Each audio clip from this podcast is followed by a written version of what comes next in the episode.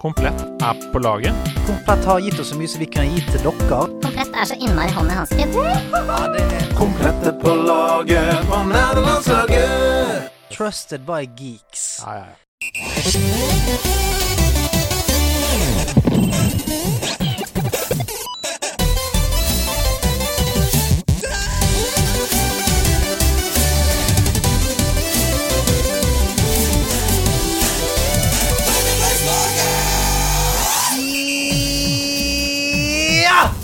Der er vi! Endelig, etter en altfor lang juleferie, så er vi samlet igjen, laget. Velkommen til ny sesong, nye muligheter, ny giv. Jeg er klar. Velkommen til nederlandslaget. Eh, ved siden av meg på høyre så sitter han i en Ikke prøv å lure meg, han sitter i en uinspirert, eh, utvasket, svart genser som han ikke har brukt eh, Omo Color på. Det er Andreas Hedemann. I'm very content. Are you very content? I'm very content. Ja, men eh, eh, du, er, du er sikker på at ikke du leser det feil? Nei, det er det som er vitsen. Oh, ja, okay. Så det ikke, du er ikke very content, du er very content. I'm very content. Okay. Det var, dette var en vits som oppsto i en eller annen Twitch-sammenheng, som senere ble sendt inn som catchphrase av Psykopomp. Hei, Psykopomp. Ja. Hei, hei. Hei. Hyggelig at du har sendt inn den. Og det han mangler er- bare en R for å være så bra, Nick. Ja, Psykopomp. Oh. Ja, det er så nærmt. Ja, nei, men det, var, det er det som er poenget. At um, Vi snakka om content. Dette er bra content. Og så sa du du er jo på en måte content. I'm very content. og så ble det Ah, ja. sant. You had to be there. uh, velkommen hos deg, Hasse Hope! Yes, endelig kan jeg snakke! Jeg tør aldri å snakke før noen sier Hasse! jeg merker at jeg er litt rusten etter ferien, men faen, Merker det. Det var veldig rar rytme i, i alt her nå. alt er rart. Ja, det er flere som er rusten, tror jeg. Men jeg tror dette blir min store sesong. Jeg tror man, Når man ser tilbake på det, Mm. så er det sånn ah, Ja, faen, det var sesong eh, syv, ja. Det var Hasse-sesongen, det. Ja, Da er det han virkelig The rise of Hasse. ja. Ja. Hvem er det The Fall of, da? Det er det som er spørsmålet. Ja, det, det må vi se. Av dere. The Fall of The Hedo. Fall of Hedo. Nei, jeg tror ikke Du er en stayer. Ja. Du er en Veldig eh, stabil. Du er veldig stabil. Altså, det er ingen som, ingen som tipper, eh, har lyst til å tippe mot deg. Spilljournalistenes uh, Alan Shearer. Al Ja. Jeg tenkte mer sånn Snodgrass, da. At, at, liksom, at man er stabilt god. Ikke toppscorer, liksom. Nei, ok, ok, ok, ok. Jeg synes det, ja. Du er Alan Shearer. Nei, men jeg, jeg, jeg er en sånn Jeg er en fyr som folk hadde puttet i hvert fall et lite lodd på The, the Fall of meg. Eh, Ja. Sånn at, at any time, føler jeg kanskje. Da håper jeg i hvert fall vi får en stor nyhetssak om det, sånn at Ja. vi får masse publisitet. Ja. Ja. Så, Og at det- jeg, sånn at min nedgang er deres oppgang. Ja, jeg er helt enig. Og dere som har hørt på nederlandslaget siden starten, dere lurer jo sikkert på hvorfor det er tre programledere og ikke en gjest her i dag. Og det er fordi vi har innført fra og med denne sesongen at annenhver episode er med tre programledere. Ja. Eh, og det er gøy, fordi 2022 blir jo et år som er stappa med spill. Altså Det blir så mye spill, så vi innså sånn Ok, for det første så trenger vi mer tid til å snakke om spill. Og for det andre så liker vi å mikse opp litt. At, det, at vi, det, folk kan bli mer kjent med alle medlemmene av Ja, altså for det er det viktigste. Vi er bare veldig veldig glad i hverandre. Ja. ja, Ja, ja, ja, jeg digger dere. ja. jeg gjør du det? Ja. Ja, Så hyggelig. Da. ja. Ja. Har det vært en bra spilljul? Eh, ja, det har det. Eh, ja. Ja. Mm. Jeg går for den, jeg. Ja. Ja, ok. Jo. Er det syv av ti, eller hva? Nei, det, det begynte på åtte, hørte jeg. Oi. Men så, det er vel kanskje fem. For jeg, jeg var eh, Jeg hadde sånn Du vet denne drømmen om sånn Nå er det juleferie. Og altså, jeg snakket høyt om at eh, nå, nå skal Det er så mange spill jeg har lastet ned som jeg skal bare knuse gjennom. Det, det skjedde ikke, da. For vi var, var mye vekke. Var mye familiebesøk. Det var mye greier. Og endte opp med å bli eh, litt spilling. Men det jeg spilte, det var veldig veldig bra. Og det skal jeg snakke om litt seinere. Men ja. jeg, har, jeg har kost meg kjempemye i spill om dagen. Hva med deg? Har- Hvordan har spilljula vært? Eh, jeg, jeg kommer bare til å tease litt her, men eh, den har vært eh, e- ganske episk. Oi! Eh, det har vært, vært Episk. mange spill. Ja. Vært mange Oi, spill. Jeg har oi, tatt meg tid til eh, det, eh, på bekostning da, av f- familie og venner, selvfølgelig. Noen ganger, noen sesonger så må de uh, bukke under for spillenes verden. Og ikke minst fordi jeg hatt, hadde da um, folkesykdommen korona. Ja. Og det gjør jo at man, man er jo tvunget til å, å være for, meg, for seg selv Ja. i syv dager! Det er fantastisk! Fantastisk! Det er du første som har fått korona som har den reaksjonen? Ja. Kanskje? ja, men jeg, jeg sånn nesten hver gang jeg blir syk, uh, så er det den der Hvis jeg blir akkurat så syk at jeg ikke kan gå på jobb, Mm. men ikke, ikke så syk at jeg ikke kan sitte med og spille, Sweet spot. men de gangene jeg blir så syk at jeg ikke kan spille engang, da blir jeg skikkelig Ja, da blir det mørke. Ja, Da tenker jeg sånn Nå, det, nå er jeg syk. Ja. Å, helsike, nå er jeg syk. Ja. Hvis det er sånn at lyset fra TV-en skjærer inn i trynet på meg, da er jeg syk. Jeg har skrevet masse testamenter i den, eh, i den, i den der. start, altså, Idet oppstartsskjermen på PlayStation svir i øynene, da begynner jeg å skrive med en gang.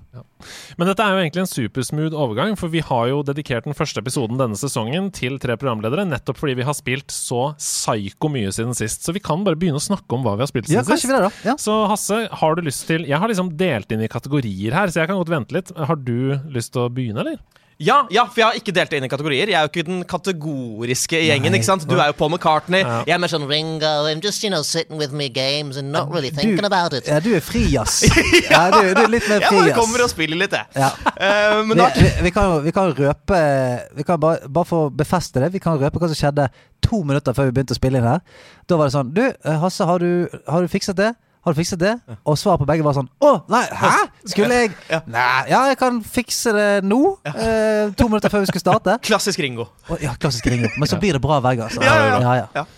Så hva har du spilt? Det jeg har spilt, er uh, følgende. Mm. Jeg har spilt uh, spillet uh, Råki, eller Røki, Ja! som kom i fjor. Ja. Eh, men det kom på PlayStation i år, så jeg, jeg, jeg prøvde å få det inn på min toppliste. Men Andreas hadde heldigvis fått med seg at det kom ut i 2020, Ja. så jeg kunne ikke gjøre det. Nei, hva, hva, ok, hva er det? Jeg måtte google det litt da du skrev det. Det er broren til Loki, ikke det? Oh. Det kunne vært broren til Loki, Ja, men det er så mye bedre enn det. Ok, ja. Ja, og broren til Loki er jo Thor. Så, ja, ja, en av de. En, en av dem, en av de mange. ja. Så Roki er bedre enn Thor? Roki er bedre enn Thor. Oi. Ja. Nei, så Roki er et eh, Jeg mener, jeg tror det er et britisk selskap som ga det ut eh, i 2020. Det handler om en eh, jente og hennes bror som bor hjemme hos sin uh, nogle alkoholiserte far. Altså Han er ikke sånn voldelig alkoholisert, han bare sitter og sover hele tiden. Så de må liksom finne på ting å gjøre selv. Ja. Og så en dag så kommer det et svært monster og bare tar hånda gjennom huset. Og eh, faren faller under noen, eh, noen stokker, og det begynner å brenne. Og de må bare komme seg ut til helvete vekk. Wow. Eh, De løper av gårde, broren blir borte, og så er liksom Råki for seg selv. De må finne ut hvordan kan jeg hente, få tilbake broren min, hvordan kan jeg få tilbake faren min. Og så er det masse sånne haugtusser og nøkker oh. og troll. Og det er veldig mye sånn nordisk og norsk Ja. eh, mytologi, da. Det, hva slags type spill er det? Plattformspill? Det? Eh, Hva skal man kalle det? Altså, det, det er på en måte litt sånn RPG-aktig. Eller eh, eh, Monkey Island. Ja, oh, ja. pek Den- og klikk! Ja, det, okay, det kan man veldig si at det er. gøy, gøy. Ja. Så det var veldig kult. Um, Jeg har spilt mer Deathloop, og det er et spill jeg prøver å ikke fullføre, for jeg syns det er så jævlig fett. At Ja. jeg liksom bare tyner det utover og spiller litt og litt og litt. Jeg vet at Dere hadde ikke spilt det sist vi snakket. Nei, nei, nei. Har fortsatt ikke spilt det. Det er på tilbud as we speak. Um, 299 på diverse nettbutikker. Det er bra. Det er bra. Men jeg så, jeg så de spilte gjennom det på uh, Games Done Quick. Det ser jeg på! Har de allerede funnet masse glitches? Ja! Altså, det, det er helt sinnssykt å se på. For det er Ja. sånn jeg, Hver gang jeg ser på Games Done Quick, så blir det sånn eh, Hvordan i all verdens navn og rike har du funnet ut dette her? For Ja, ja. Det, det, er, det maker null sense. Det er sånn eh, Hvis jeg finner den lille kanten her, og putter akkurat denne granaten her på den stripen, så blir jeg sprengt bort til siste bossen. Så det er Ja. sånn Hvordan? Ja, hvor, hvor, ofte, hvordan er det du spiller spill? hvor mange ting er det du har prøvd før du Ja. fant ut den tingen? Ja. Liksom? Ja. Jeg har lyst til å se Det, det er de streams jeg vil se. Av en fyr som prøver å finne glitches. Bare OK, skal vi se. Uh, hvis jeg tar og kaster denne flasken her inn i den sprekk Nei, det er jeg there? Yep. Da, går vi videre til neste sprekk. Men hvis jeg dukker og trykker A to ganger Nei, nei, nei, ingenting som skjer der heller. Og så gjør du det helt til du bare sprenger til siste bossen og sier OK, der er vi. Men jeg syns at Deathloop ser så sinnssykt fett ut. Og ja. jeg så jo på GameStone Quick også, og ble veldig inspirert til å ville spille det sjøl. Arcane er jo et fantastisk studio, de som har lagd det. De har, står jo også bak det der snikspillet som jeg aldri husker hva heter. Dishonored. Dishonored. Dishonored. Eller Og- Dishonored, som jeg kaller det. jeg ser, jeg ser også at um, flere av de abilitiesene som Ja. er i Dishonored, kommer i Deathloop etter hvert. Def definitivt. Det er, det er, du, ser, du kjenner igjen mange av mekanikkene og noe art direction og sånn, men det er jo enda mer polished, og det ser så sykt fett ut. Og Ja. bare, bare, se bare, spiller, bare spiller. Veldig nice. Eh, så spilte jeg det, og så spilte jeg The Artful Escape, som gikk rett inn på lista mi. Yes. Det var bare sånn umiddelbart, og det tipset fikk jeg fra deg, Andreas. Det er jo noe jeg Jeg tror jeg, jeg, tror jeg har glemt å takke deg for det. Og bare hyggelig, det. Ja, uh, Ja, det, det var et fantastisk spill. Ja, for du har også drølt gjennom det i Jeg had, jula. nei, jeg hadde jo det på topp ja, fem-listen ja, ja, ja, jeg. For en gave det spillet er. Jeg hadde ikke det. Jeg, hadde ikke det. du spilte det jeg løy. Ja. Jeg løy, jeg hadde ikke det. Men fortell litt om hvordan du opplevde det. Nei, altså for meg så er det bare eh, Noen ganger så liker jeg bare å spille spill der jeg har 120 eller til 180 puls og får masse dopamin av å drepe andre mennesker. Og noen ganger så vil jeg bare ha 40, altså farlig lav puls. Eh, og bare sitte og se på vakre bilder, høre på nydelig musikk. eh, og, bare Altså, du sitter jo på en måte og bare holder inn en knapp, og så spiller da hovedpersonen din de nydeligste mm. gitarsoloene eh, som noen gang er skrevet.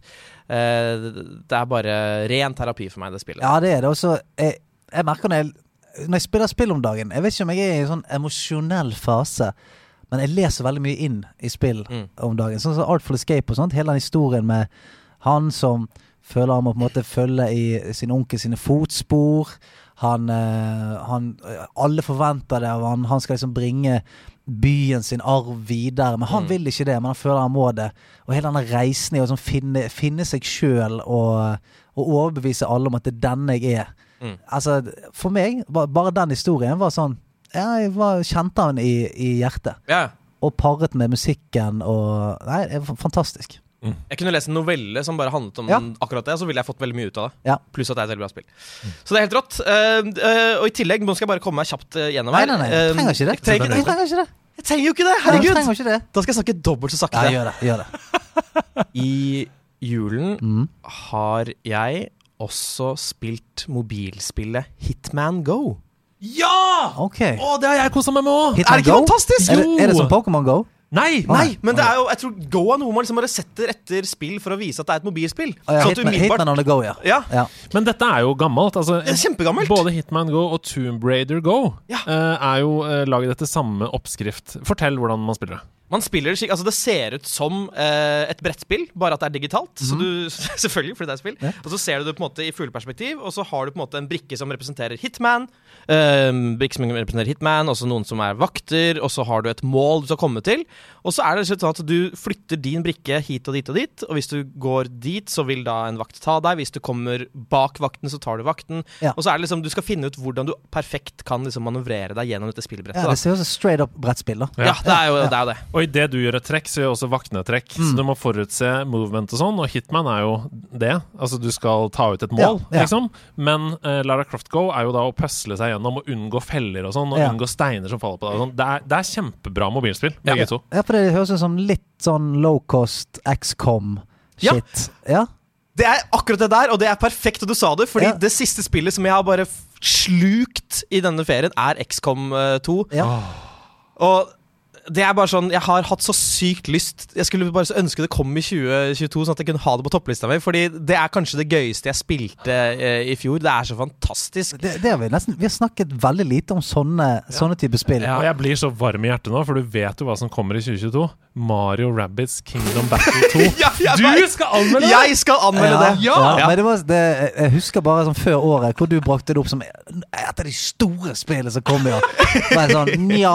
Eh, ja. Ja, men for Hasse er det jo det nå. Ja, så, så lenge den mekanikken til XCOM er i spillet, så er jeg helt Ja, med. men den er det. Ok, Ja. Hva er det som er så nydelig med XCOM? Nei, altså det er jo bare Ok, jeg vet jeg, hva, hva kaller man altså Det er jo, det er jo turn, turn-based. Turn-based eh, action-spill. Strategi. strategi. Mm. Uh, det er rett og slett du eh, eh, har en rekke karakterer som du kan flytte så og så mange steder. ruter. på. Ja, ruter du får på kartet. rutenett. Ja. Ja, og så kan du på en måte bruke Du har to turns, så du kan bruke en turn på å bevege deg, en turn på å skyte, f.eks.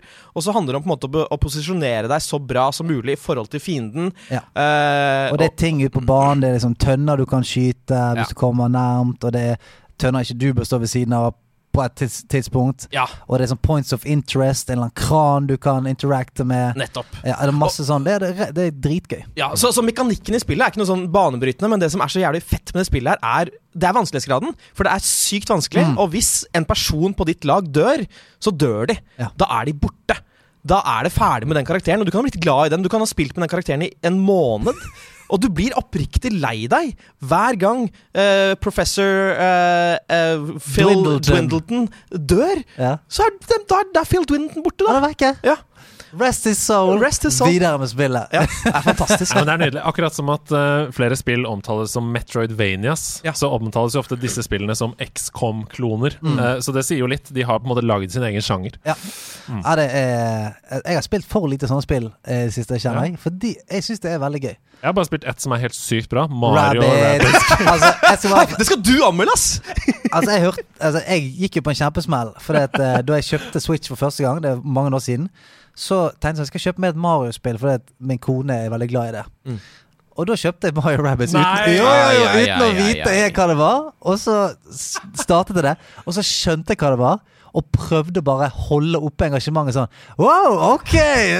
Dette er jo litt sånn Mario. Ja, jeg flytte noe Og så må du hoppe opp på hodet Ok! Og du så hun bare sånn Dette er ikke Mario Nei, nei, nei. Ta det av Og jeg vil spille det skikkelig Mario Det gamle Fra 1980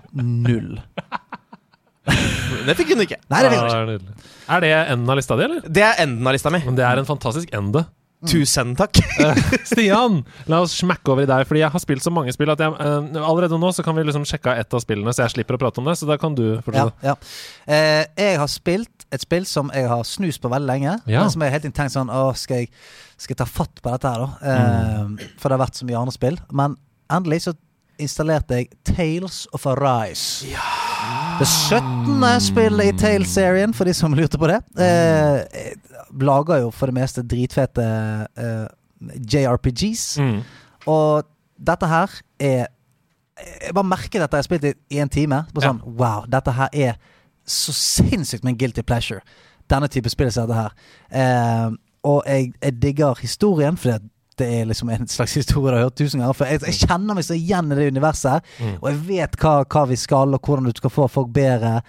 Og jeg gleder meg til å møte de nye karakterene. Eh, hvem er the big bad boy? Eh, grindingen. Finne skjulte våpen. Mm. Eh, off, jeg Men du er jo, det. akkurat som at du nå på en måte blir XCOM-prinsen, så blir jo du JRPG-kongen i Ah, redaksjonen. Jeg det jo, elsker det. det er jo Ja, du liker det? Nei, nei, jeg, bare, jeg anerkjenner at du er Ja. JRPG-kongen. Det Ja, ja. det. Nei, faen, jeg elsker det. Så, så jeg, eh, jeg merket i fjor, så spilte jeg Jeg spilte Scarlet Nexus, og så spilte, begynte jeg å ta opp igjen litt Persona 5. Og så, Dragon Quest spilte du? Dragon Quest spilte jeg. Mm. Og jeg, bare sånn, jeg merker hver Det er alltid litt sånn Åh, skal jeg ta tak i en sånn 100 timers uh, jævel igjen? Men hver gang jeg gjør det Åh, jeg blir så glad. Ja. Uh, jeg har bare lyst til å spille masse av det. Så jeg har liksom funnet ut at jeg er Jeg er usedvanlig glad i det. Mm. Eh, og jeg kanskje er det sikkert eh, Hvis jeg skal anmelde det, så tipper jeg mest sannsynlig kommer til å gi det for god score. Ja. Fordi at jeg bare sånn Jeg bare liker det. Jeg synes det, det, er min, det er min løvbiff og pommes frites. Ja. Men det er det, Det er som bare er det så bra godt hver gang. Det er det som er så bra med eh, anmeldere som elsker sjangeren de opererer i. Fordi det er jo de Altså Når du anmelder et eh, JRPG-spill, så snakker du jo hovedsakelig til andre som er interessert i den sjangeren. Ja, og som ja. tenker 'er dette et bra spill i den sjangeren'? Ja, det er det. Ok, Mm. da kan jeg kjøpe det. Så eh, ikke vær redd for at du gjør det for bra. Uh, det er bare din egen mening. Ja, for det er Combat mechanicsene er, er dritnice. Altså Når jeg begynte, så var det sånn Oi, det, var, det er sånn, et slags kombosystem. Eh, For det er sånn free-flowing, litt sånn som Final Fantasy 7 Remake var. At eh, du blir fanget inn i en battle, og så eh, Ikke sånn at du er turn-based, men du, du fyker rundt og dodger Mm. og bruker magi og alt mulig. Så styrer du òg de andre lagmedlemmene dine, og de har for eksempel sånn Du har en, en sånn eh, guardswoman som har et megaskjold. Som hun, hennes mål i livet er som å, å bare sånn I, I want to protect. Og hun er sånn eh, Hvis en fiende har en sånn charge mechanic, at de bare lader opp og løper mot deg Hvis du er kjapp nok til å trykke på hennes ability, så hopper hun foran, stopper eh, chargen, den faller ned. Knuser ned mens de er, er, er nede. Og sånn har liksom alle karakterene det. En slags sånn counter på en På en bevegelse Mm. eh, med dyrene. Som gjør at hver, eh, hver fight blir litt sånn Å, shit, nå hopper hun kjapt inn og finner den Mm. der eh, abilityen som skyter det ned fra luften. Er det som Eh, en ultimate, liksom? i- eh, Ja, men han lader seg opp mm, veldig fort, Ja, på en måte. ja, Eh, og du kan stjele Hvis noen uh, enemies kaster en spill, så kan du stjele spill, kaste tilbake på dem. Uh, Ah. Og for hver gang du bruker en spill, så blir den sterkere. Sånn at hvis du bare sånn Ja, men denne, jeg liker denne, denne greien her liker jeg godt. Denne zup, zup, uh, flekke fram og tilbake mellom fiender. Den liker jeg så godt at jeg bare bruker den hele tiden. Mm. Så scaler den oppover. Mm. Ja Sånn som den, du leveler den abilityen nå. Eh, sånn at du kan liksom velge litt hva du hva du har lyst til å eh, bruke Hva du syns er diggest å bruke. Og sånn så, det. Så, Det høres nesten ut som du kan parry spills, da, på en måte. ja, Er det det du gjør? ja, på en måte, men sånn, du, det kommer en slags, en slags rask cast-bar, Ja. og da har du en på laget som er en sånn magic user. Mm. Og hvis du er bare rask nok da, så må du bare skifte fokus til den personen. Ja. Sende hun bort, så bare zwap, og sende han tilbake igjen. Nice. Eh, ja, så er det sånn veldig sånn reaktivt, dodging, eh, og bossfightsene dritfete. Ja, jeg liker det. Jeg koser meg! Jeg koser meg! Jeg koser det, meg! det er jo liksom et, som du sier, 100 timer pluss-spill. Så Ja, det har ja. kanskje ikke vært så mye annet enn det, eller? Nei, det er akkurat det. Det har ikke vært så mye annet enn det. Eh, jeg, jeg tror Nei. Ingenting annet enn det. Jo, for jeg vet at det er i hvert fall ett spill du har spilt som Ja. jeg hadde tenkt å stryke av lista mi fordi du skulle snakke om Ja. det, og det heter Beatstar. Ja da! Ja! ja altså eh, Ida Horpestad. Uh, hvis du hører på I curse you! ja, I curse you. forever be cursed. Altså eh, jeg, Ja, jeg har et par tilståelser. Jeg, jeg, jeg glasset ned Beatstar og endte opp med å spille det insane mye den første dagen. Mm. Oh, ja, Eh, første dagen til og med? Ja, men bare første dag var sånn Oi, dette var gøy. Så du kjøpte en limited play med en gang? Ja.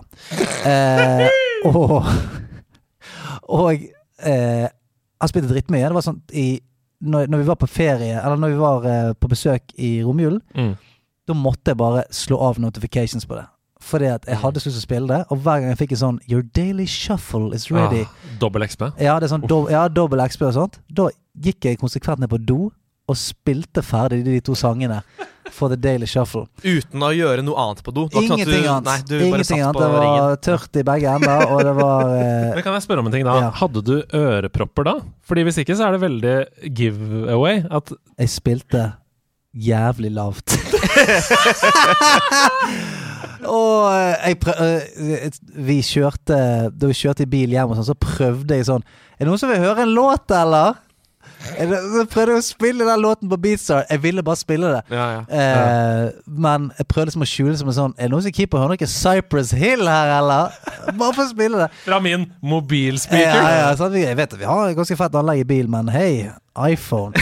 Men, eh, men eh, og, og, jeg, og, jeg, og jeg har brukt eh, 500 spenn på det. Å, du har det, ja? Ja. For du har kjøpt eh, låter og sånn? Jeg har kjøpt litt av Er det sånn det funker, ja? Ja. Mm. Ja.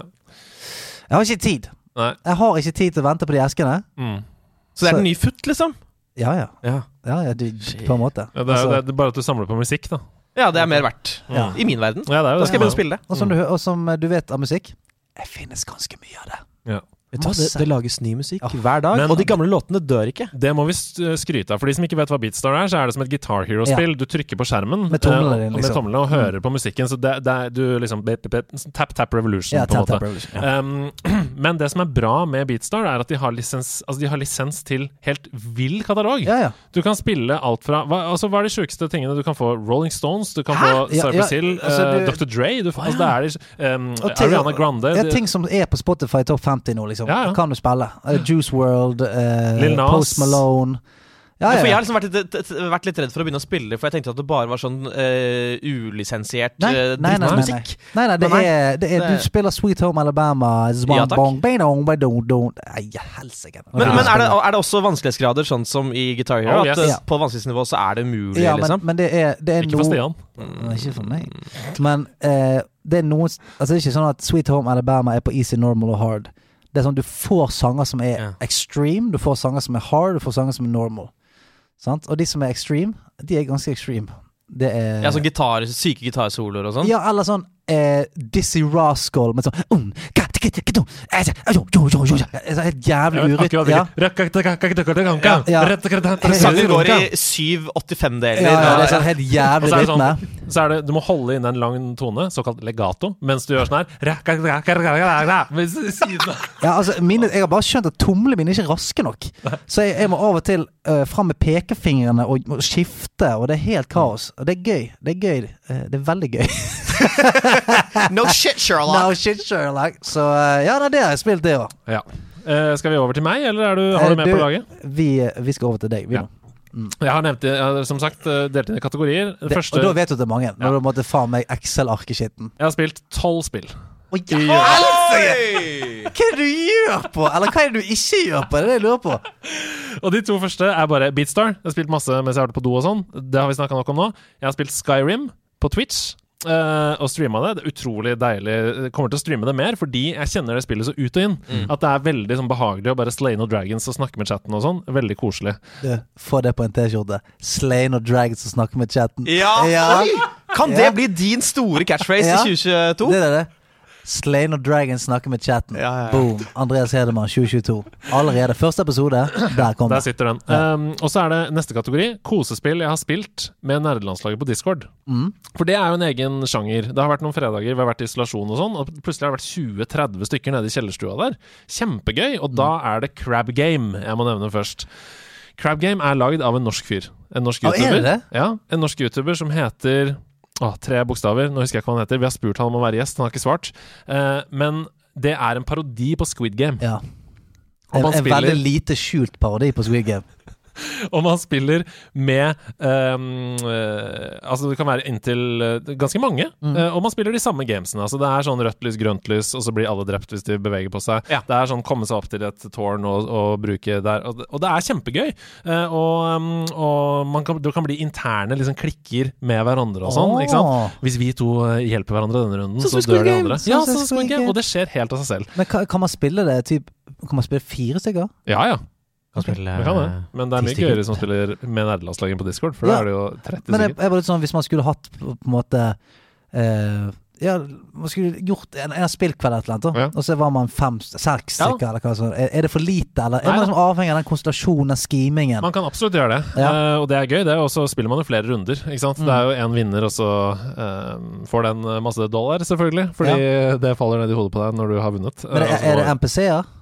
Eh, nei, eh, altså det, nei. Nei, er så hvis du er fire stykker, så er det kun fire stykker på rødt lys. Jeg vet ikke om du også kan skru på NPC-er. Det vet jeg ikke. Nei, okay, Men uh, sannsynligvis er det det. Og så har jeg spilt et spill med resten av nærmeste som heter Gartic Phone.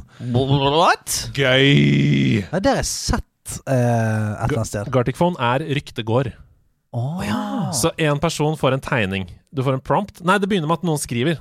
Noen skriver. Ja. Skriver for eksempel 'Stian sykler til skolen'. Det, eh, ikke sant? Aldri gjort. Og så er det neste person som tegner Stian sykler til skolen. Og så Ja. må neste person skrive hva de tror de ser bilde av. Ja. Og så går det som en sånn ryktegård. Og så Ja, helt til for, slutt ja, for da skal neste tegne det igjen. Basert på ja, tekst. Ja, ja. Og så Mm. ser man til slutt en oppsummering mens alle er med, og sånn, eh, av den eh, runden, da. Ja, og det reisen er den. så gøy. Ja. Det er som, det er som de beste mm, eh, Hva heter det spillet vi er så glad i? Jackbox. Jackbox-spillene. Det er som de beste Jackbox-spillene. Og jeg Kult. tror um, det kan spilles både lokalt, men det er kjempegøy på nederlandslaget. Gøy, gøy, gøy. gøy.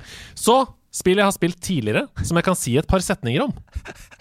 Dette er så kategorisk at uh Spill jeg spilte i mitt tidligere liv, som jeg nå kom på uh, ved hjelp av meditasjon. Og da begynner jeg med Solar Ash. Som Ja. jeg også har anmeldt til Ja, det har denne du! episoden av Nederlandslaget. Mm. Det kommer vi tilbake til. Kjempefint spill. Spilte det nå i jula. Likte det godt. Spilte litt i desember også. Outer Wilds. mm, Ja. Det liker du godt. Det liker jeg veldig godt. Mm. Uh, Space-spillet, Mm. eh, som jeg har spilt litt tidligere, men aldri kommet gjennom. Begynt på nytt igjen nå. Uh, gleder meg veldig til å fortsette Men på sant, Men nå, nå måtte jeg tenke meg to sekunder, for Outer Wilds, det er Bethesda-skitten, sant? Nei. Nei, det er det motsatte. Det er Outer Worlds som er Bethesda-skitten. Ja, Ja. for det Out of Wilds, det er banjofar og rute rundt omkring i Ja, ja. verden. Og til forskjellige planeter Ja. for å løse de forskjellige Ja. ja. Og er det ligger det på sånn du, GamePass. du har en 20 minutter game loop? Mm. Ja. Mm. Mm. Og det ligger på GamePass. Skal jeg fortsette med? Har ikke kommet gjennom. Super Mario Party har jeg ja, spilt. det har jeg hørt om. Både alene eh, og med venner, men mest alene for å unlocke ting. Stopp. Du har spilt alene! Ja, stopp mot NPC! En halv. Stopp en halv. Jeg kjenner ingen. Ikke et levende vesen. Er ingen jeg har kommet over på min vei, som har spilt Mario Party aleine. Jeg tror ikke det noensinne har skjedd. Jeg har gjort det i mange år, jeg. Jeg har gjort det på nesten alle Mario Parties. For Du må jo unlocke ting, ikke sant? Sånn at når Ja. vennene dine kommer på besøk, så har du alle mapsene Så du gjør det bare for å være hyggelig mot vennene dine? Ja. Ja. At det er kjempegøy! Det er gøy å spille med NPC-er. Så kan du Nei, det er det det! du trenger ikke å følge så mye med. Du kan ha mobilen på siden. fikk Peach, jeg tok jeg 20 kroner for Peach. se på den! Ja, ta, ta den, du. Og klikke like mye når det er sånn. Ja vel. Ok, så nå skal du ta to stjerner av meg, ja? Ok. Klikke like mye, selv om det er en Eh, gøy. Ja, ja, ja, ja. Eh, Guardians of the Galaxy har jeg begynt på. Mm. Spilte Ja. på stream. Uh, var helt patetisk på et hopp der. Skulle hoppe over et, en avgrunn. Falt ned ti ganger. Vet du hva i chatten? Synd du kom inn da. Ja. Feil tidspunkt. Jeg Du Ja, spilte mye bedre enn det før. Ok, for du var helt rå før det. Ja, det var det. Ja, okay. ok, ok. Er det, er, er- det, ligger det ute noe altså, koster, det- For det, Sist jeg sjekka, så kosta det 940 Nei da, 000 kroner. også på tilbud. Er det også på tilbud? Det er veldig sånn Christmas sale er jo over. Eller sånn Christmas-sesongen er over. Så Mm. nå er alle de spillene som var store før jul, de er på tilbud. Så Da få det, eh, gå det ut. Og det er dødsbra. Det er gøy. Kjempegøy. Ja, det er gøy. Og så utvalgte spill jeg vil snakke mer om. Og da begynner vi med et spill som jeg vet at du i hvert fall var veldig hypa for. Ja. New Pokémon Snap. Ja. ja. Pokémon Snap, folkens. Det er bra, det. Det, er, det er så koselig, det. Det er så Det er koselig. kjempekoselig. Og jeg, jeg spilte det eh, en god del først, Mm. og så så Camilla at jeg spilte det, og bare Ja, ja. Og hun er jo nå blitt eh, altså fotografmester Andersen. For hun eh, Altså, New Pokémon Snap er jo egentlig et FPS. Det er jo egentlig det det er. ja. ja. Du har et kamera, og du sikter på ting, og så skyter du med kamera og fanger Pokémon. Mm. Så det, det tilfredsstiller veldig mange ting. Det tilfredsstiller samlergenet. Mm. Du samler på Pokémon, Ja. og det tilfredsstiller også Der traff jeg headshot. Ja, ja. ja, Ja, ja, jeg er helt enig. Helt enig. Betyr det at man helst vil at Pokémon skal være midt i bildet? Den er ikke opptatt av det gylne snitt, f.eks.? Nei, nei, de driter i gylne snitt. Ja, ok. Altså, fotografteknisk det, det får du ingenting igjen for der. Nei, okay. Altså sånn Jeg vil ha litt forgrunn her i bildet. Ja, ja. Det driter de i. Hvis det er at det er clean Pokémon. Ja. Altså, jeg synes at de der de, Det irriterer meg av og til. For den score-givningen på bildene, Ja. den er av og til Jeg kan bli litt sånn Nei, men for faen. For du, du har tatt et bilde av, av en Pikachu med capsen bak fram som smiler og gjør peace-tegn til, eh, til kamera. Bare sånn smekk rett der. Mm. Men så har du tatt et sånn shitty bilde litt langt ifra, men som står sidelengs. Så får du mer poeng på det. Så det er sånn Ja. Men hva er det de vil ha? Algoritmen er litt Og Hvem er redaktøren her? Snorlax som fyller 70% av bildet fordi Snorlax er svær, og du Ja. ser bare litt av fjeset. Dritbra! Ja, ja. Kjempe. Kjempe. Det, det, det var dette vi var ute etter. Sånn, kjempe. Nei, men det er veldig, veldig gøy, og det er uh, nesten uh, aller gøyest å se på Camilla spille det, fordi hun er jo enda flinkere til å leve seg inn enn meg, så hun bare Peachy! Der er Peachy! Sånn, og det er veldig, veldig gøy. Uh, så det smitter. Ja, og så har det litt sånn boss levels Mm. En, sånn, en legendarisk Pokémon har kommet til blitt, blitt spottet, så er det en sånn egen event. Det er natt. Mm. Uh, og så er det sånn, ikke en chikorita, men en Bayleaf. Nei, Ja, enda ja. større igjen. Ja, det, Eh, meg, megal, uh, Ja. Meganius. Ja, meganium. Et Ja, meg, et eller annet. En av de der store gutta. Mm. Uh, men sånn som går gjennom mørket der, og det er et eller annet gyllent lys som flekker Og rundt vi den. må fange energien og Ja, det stopper ved et tre og spiser litt og ser litt bort på deg. Ja, Mm. du, du får litt den lille Jurassic Park-feelingen. Ja, det vil jeg ha! Det er akkurat det der. ja. Ja. Så det er på en måte en on rails shooter. Det er jo det der. Du Ja, ja. sitter igjen og, og snur deg rundt og skyter. Mm. Prøv, prøv å Eh, drepe Pokémon Mm. uh, med, med epler. ja. Litt slow i starten, det må jeg bare eh, advare om. Ja, du det er spiller den samme banen en del ganger og sånn, men etter hvert så blir du helt hekta. Da kjøper jeg det når det kommer på tilbud i 2031. Gjør det. Ja, ja. Hoa er det neste spillet jeg vil snakke om. Mhm. Streama det i sin helhet på Twitch. Et lite plattformspill til PS5. Um, kanskje til PS4 og til andre. Det er ikke noe i spillet som tilsier at det ikke burde være til andre konsoller. Men dette datt jeg over litt før jul, og så putta jeg det på ønskelista mi, fordi det sto sånn The most beautiful platform game of 2021. Aha. Jeg bare hmm, Sign me Mm, up! Og det var veldig koselig. Uh, To-tre timers spill. Um, som er bare Det, det føles som um, at Ori and the Blind Forest og andre koselige plattformspill har Mm. bare fått en sånn casual, deilig reise. Ja. Det er Hoa. Uh, lite skog, uh, skogspill hvor du koser deg. Det ser, ser litt sånn Miyazaki-aktig ut. Veldig, og det føles også ganske sånn Studio Ghibli-ete. Ja, ja. okay. Um, Et lite er- skogspill som er koselig. Ja. Ja. Så hvis du har lyst til å ha et, eh, en spillanbefaling for å spille sammen med barna dine, f.eks., så er det helt perfekt. Mm. Um, og jeg hørte også folk som så på den streamen, som spilte det selv etterpå, og ble rørt. Så det er et sånt type koselig spill. Veldig fin musikk. Hoa. To kjappe til. Unpacking.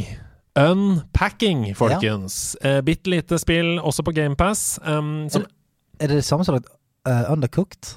Nei. Nei? Nei, men jeg, jeg, jeg spurte seriøst nå, for det, jeg mente jeg leste et eller annet sted at det òg var en sånn her eh, hektisk eh, oh, ja. Men det er det ikke. Nei, unpacking er eh, veldig zen. Altså, okay. det, er, det er rett og slett at du pakker ut av esker. Nice. Du, du flytter inn steder, og det Ja, er en historie. du, du setter bøker i hylla, du putter eh, kosedyr i en seng, eh, og det er rett og slett, hvis du liker spill som The Sims, da, å Ja. ting rundt omkring, Ja. så er det veldig nice. Og det er en historie som fortelles uten noe, bruk av noen ord. Mm. Du bare ser ulike faser av en person sitt liv. Ja. Det er som Storage Wars. Ja. Ja. What's in the locker? Norge Max. Ja. What's in the locker? Hmm, hvem kan ha bodd her inne, da? Hæ? Ja. Nei, så det er bare mm, Det er bare en Hva skal jeg si En Zen-aktig øvelse. Eh, men jeg vet at flere store spillredaksjoner hadde på topplistene sine Oi. fra 2021, og at Rune Fjell Olsen blir Level Up blant annet likte det kjempegodt. Og det skjønner jeg, fordi i um, alt det vi spiller til vanlig, i liksom det hektiske, bla, bla, bla, så er det deilig å bare skru av verden og sette seg ned med litt unpacking, rett og Ja. Mm. Uh, det varer i bare tre-fire timer, det òg, så mm. Ja, eh, for det, det, jeg sliter av og til med å hekte meg på sånne spill. Eh, Ja. Og det, jeg tror ikke det er noe for deg. Nei, nei, nei for det, eh, jeg, det er denne eh, Når et spill handler om en, et, et hverdagslig gjøremål Mm.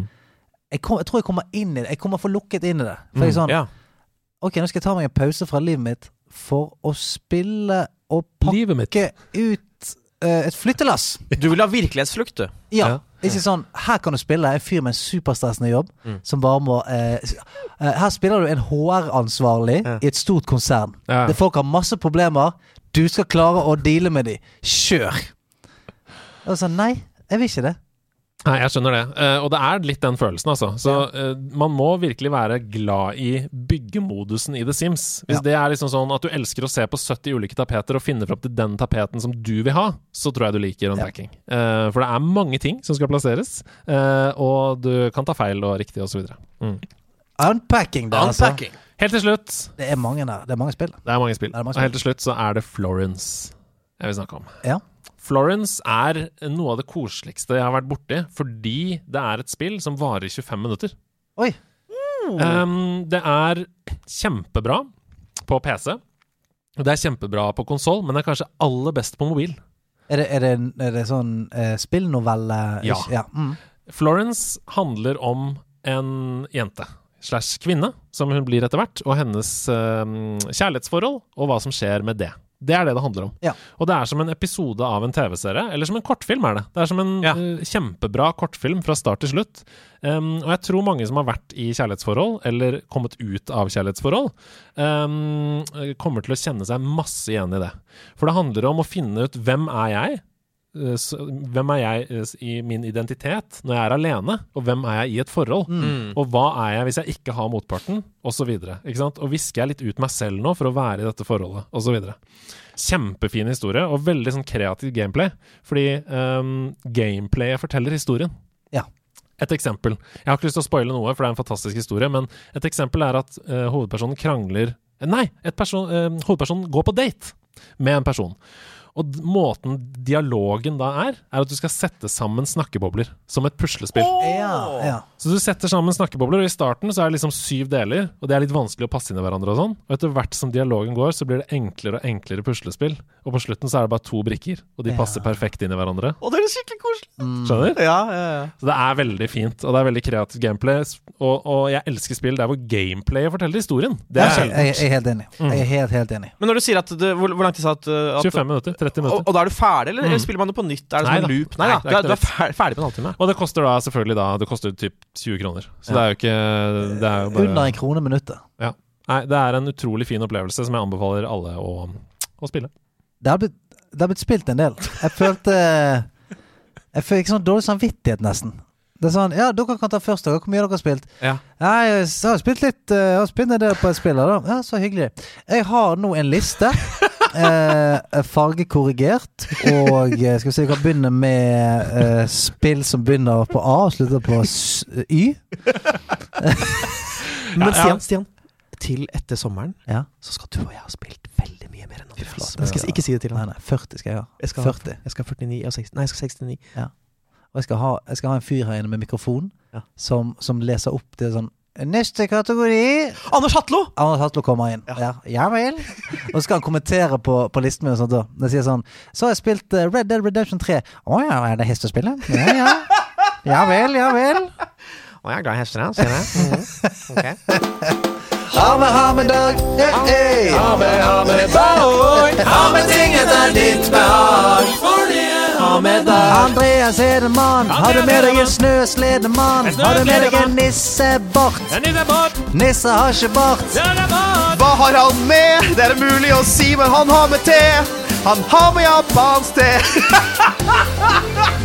For jeg skulle hit i dag og ta med meg ting til dere. Men jeg glemte hele greia og fant noe her i stedet. Så hva jeg har tatt med meg til dere, det gjenstår nå å se. Er det en lyd, en MP3? For det jeg har med deg. Er det japansk te? Ja, men jeg hadde skrevet, Du så at jeg hadde skrevet det manuset? Nei, du hadde ikke det? Jo. Nei. Nei. Ok, Det er sant som jeg sa i uh, innledningsvis. Jeg hadde glemt at jeg skulle ha med en ting i dag. Men det gjør ingenting, for vi er jo på House of Nerds, og jeg Ja. har allerede tatt med meg ting hit. Altså, du har, fra du har dratt hjemmefra. unpacking inn her, du. Ja, jeg har Ja, det. du har det. Unpacking. Og grunnen til at jeg har lyst til å trekke frem disse to tingene, den er todelt. Først og fremst, Hasse, du kan få se på denne. Ja! Skal vi se. Dette er en gul Gameboy Color. Å, den er fin. Ja, og det er min gamle Gameboy Color fra jeg var ei lita neve stor. Og baki så står Pokémon Blå? Pokémon Blue. fra jeg var ei lita neve stor. Ja. Og enda så har ikke batteriet gått ut på den cartridgen, så jeg kan spille det fortsatt. Jeg gruer gruer meg til det går ut. Og her, Stian, her er De første brillene dine? Det er et brilletui, men det er ikke det som er oppi. Nei. Det er Å, en PS Vita! Oi, shit! Det er sjelden å se. er en PlayStation Vita med touchscreen på baksiden og kamera og hele pakka. Ja, ja, for det, det stemmer, det. Du kunne liksom flikke baki her og jobbe. Mm. Dette her uh, uh, Dette her er en sånn ting som jeg Jeg ble så lei meg når han gikk vekk. For det er sånn Jeg skjønner at han måtte gå vekk, Mm. men jeg skulle ønske flere folk skjønte hvor digg han var. Ja, Ja, ja, altså det, ja, men fordi var, var dette floppen, eller var det den som gjorde det ganske bra? For det var Vita, og så var det PSP. PSP. PSP, ja. PS Vita. Dette er floppen. Ja. Dette er floppen, ja. Mm. ja. Men, men egentlig ikke, på en måte. Sånn, han var, den er, jeg syns den er bedre enn PSP. Mye bedre. Ja, og eh, altså, jeg spilte jo uh, utallige timer Raymond Legends Ja, på denne her. Ja. Uh, masse andre spill. Spilte sånn Fine Fancy Tactics, eller hva det er for noe. Mm. Utallige timer på denne her. Og Gravity Rush spilte jeg på. En fantastisk spill. Ja. Um, og ikke minst Uncharted-spillet som kom Ja, til som bare finnes der! Ja, stemmer det? ja. Og, og grunnen til at jeg kjøpte en PlayStation Vita, det var fordi det var gratis spill på PlayStation Plus hver måned. Og så ble jeg så irritert for at jeg ikke kunne utnytte det. At det var skikkelig bra Vita-spill der. Så nå skal jeg vise dette til kameraene. For de som ikke har fått med dere så streamer vi også dette på Twitch Ja. nå. Uh, så der kan dere se på disse tingene. Dette er en Game of Color, og dette er en PlayStation Vita. Og grunnen til at jeg har tatt med hit Ja, jeg skal bare si jeg, jeg, jeg klarte aldri å bestemme meg om jeg skulle kjøpe, kjøpe PS Vita eller PS Wanda.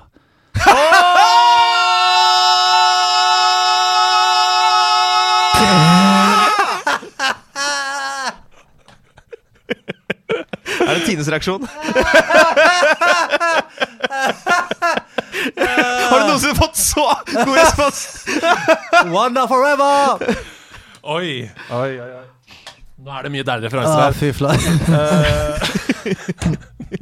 Um, Ja, for de er jo så like. Ja, ja, ja. men, du det? Skjønner men de ikke helt, sant? Det Nei, er jo forskjellige forskjellig på innsiden. Nei, Grunnen til at jeg eh, tok med dette her hit til House of Nerds, det er fordi jeg er så stolt av det. Ja. Men jeg har ingen sted å ha det. Uh, og jeg kommer aldri til å selge det eller gi det bort, men her kan de få et nytt liv.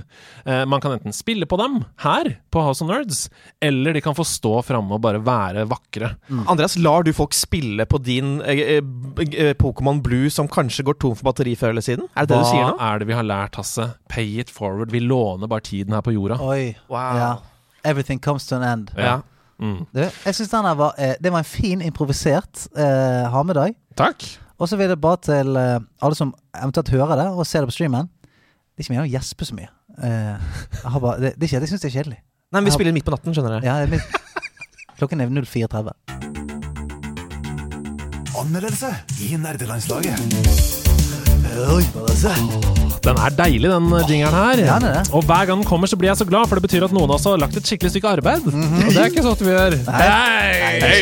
Nå har vi faktisk gjort noe skikkelig. Ja. Anmeldelse. Jeg har anmeldt eh, et eh, veldig pent lite spill som heter Solar Ash. Um, der hvor du rollerbladeser deg rundt på rails. Jeg tror ikke jeg trenger å si så mye mer enn at du kan høre på dette her. De fleste av dere har sikkert skjønt dette nå, men jeg er skikkelig glad i spill. Jeg liker alt fra basket- og slåssespill til store strategispill og quiz-baserte reisespill, sånn som Backpacker Junior, men det siste året så har det gått opp for meg at det er én spesiell egenskap i spill som jeg setter ekstra stor pris på. En egenskap som er vanskelig å sette fingeren på, men som du bare kjenner instinktivt når den er til stede. Jeg snakker om flyt.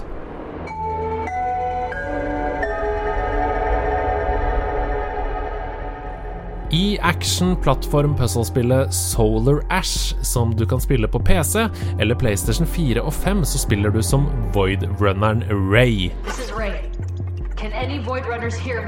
Hun har kommet bort fra familien og stammen sin og befinner seg i et slags postapokalyptisk romunivers, der hvor de ulike områdene er korrumpert av anomalier. Store beist av noen monstre som hun kaller for remnants, og de sprer en sort gugge utover de ellers så fargerike og vibrante områdene. You can hear this, just ran into some kind of massive serpent anomaly. Watch yourselves. Denne sorte gugga, det er det selvfølgelig din oppgave å bli kvitt, slik at din stamme, din familie, igjen kan hente tilbake de ødelagte områdene. Og måten du gjør det på, det er jo helt selvfølgelig ved å skate rundt på rollerblades. La meg forklare litt tydeligere her. Se for deg at du våkner opp i en stor, åpen verden, ikke ulikt Hyrule Field i Zelda Breath of the Wild, der hvor noen områder er avgrenset, sånn som f.eks. Soras domain er. Se for deg at det står et tårn i dette området. Eh, Et høyt tårn som er innhyllet i sånn sort, ekkel, oljelignende gugge. Og den gugga her den begrenser deg fra å skate rundt på rollerblades og da opprettholde denne flyten som jeg snakka om. Nederst i dette nevnte tårnet så står det en rosa sprøyteaktig stav festet i den sorte gugga. Og idet du sparker eller slår til denne staven, så setter du i gang en tidsstyrt puzzle-sekvens, der hvor du er nødt til å fjerne flere staver som kommer til syne oppover i tårnet, innenfor en tidsramme. Du må klatre, skli på skinner, skyte gjennom lufta med gripekrok og skate deg oppover tårnet. Hvis du klarer å knekke det puzzlet her, hvis du klarer å slå alle disse stavene innenfor tidslimiten, så fjerner du all den sorte gugga og frigjør tårnet.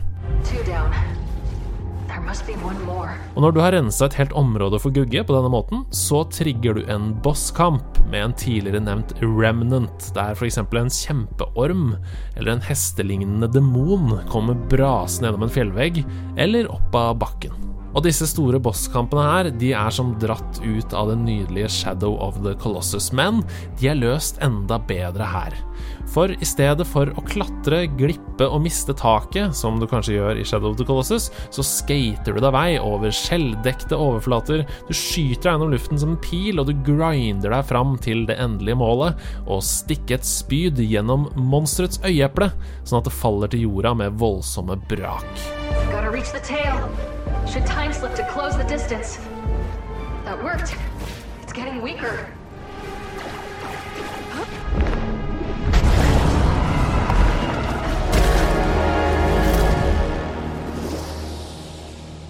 Og det her, det er Solar Ash forklart på noen få minutter. Eh, På kreative måter så renser du opp ulike områder, før du avanserer til neste område for å rense mer, bekjempe nye, større bosser og lære mer om historien til ditt folk, hvem som er den egentlige fienden, og hva det er som har skjedd. Det er en historie som holdt meg spikra til skjermen de syv til ti timene den varte. I don't have time for this. How do I get out of here? I've heard that question so many times before. Useless as ever. I tillegg til dette så er det mange hemmeligheter å finne i spillet. Det er oppgraderinger til drakten din som gir deg ulike egenskaper, og det er plasma, tenk på det som penger i Mario, eller som edelstener i Spyro, som du kan bruke til å kjøpe deg flere energiceller, eller liv, da, sånn at det blir enklere å komme seg videre. Kontrollene i Solar Ash er kanskje noe klønete det første kvarteret, men for meg så gikk det ganske raskt over, og den tidligere nevnte flyten den ble raskt et viktig element av gameplayet. Når den flyten er på sitt vakreste, så kan den konkurrere med følelsen av å feilfritt leke seg gjennom et rytmespill, eller løpe sømløst gjennom de vanskeligste musikkbanene i Rayman Legends.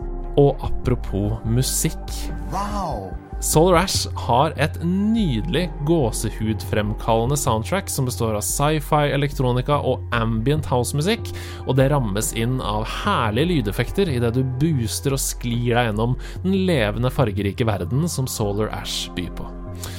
Dette her det er en sterk, sterk pådriver til å heve hele spilleopplevelsen. Bare hør på det her, da!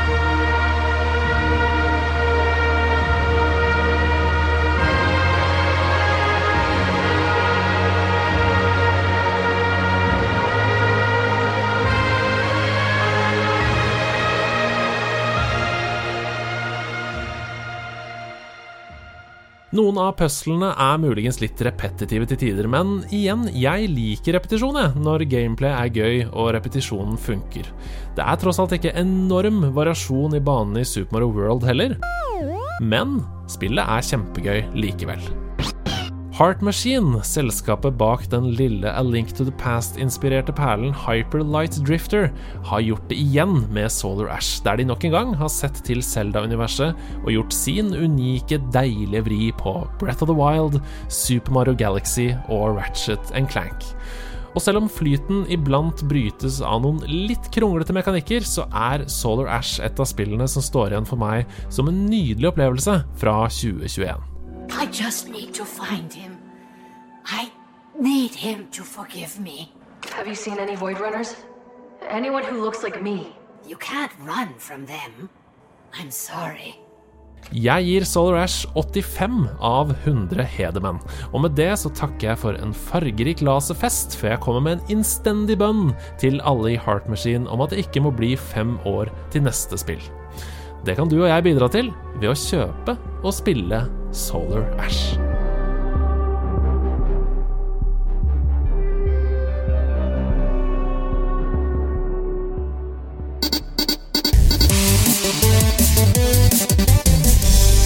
I'm very content. Mitt navn er Andreas Hedman, og dette er Nerdenytt. Aller først til e-sportens verden. Det signeres nemlig legender over en lav sko i norske e-sportsorganisasjoner om dagen. Zero Zero Nation har signert Cold Zera, kåret til årets spiller i verden i 2016 og 2017, med to major titler i karrieren. Apex har resignert JCam etter at han forlot organisasjonen i fjor. JCam er tidenes norske CS-spiller og har spilt inn tett på én million dollar karrieren igjennom. Det går nemlig tydeligvis mot en spennende vinter og vår i norsk CS. Tschüss. Sony har avslørt PSVR2, en gledelig nyhet for alle oss som er glad i VR. Blant annet varsles 4K-oppløsning og støtte for 90 eller 120 frames. Synsfeltet er større, øyebevegelsene spores bedre, og selve headsetet vibrerer, som f.eks. lar deg føle økt puls når stresset øker.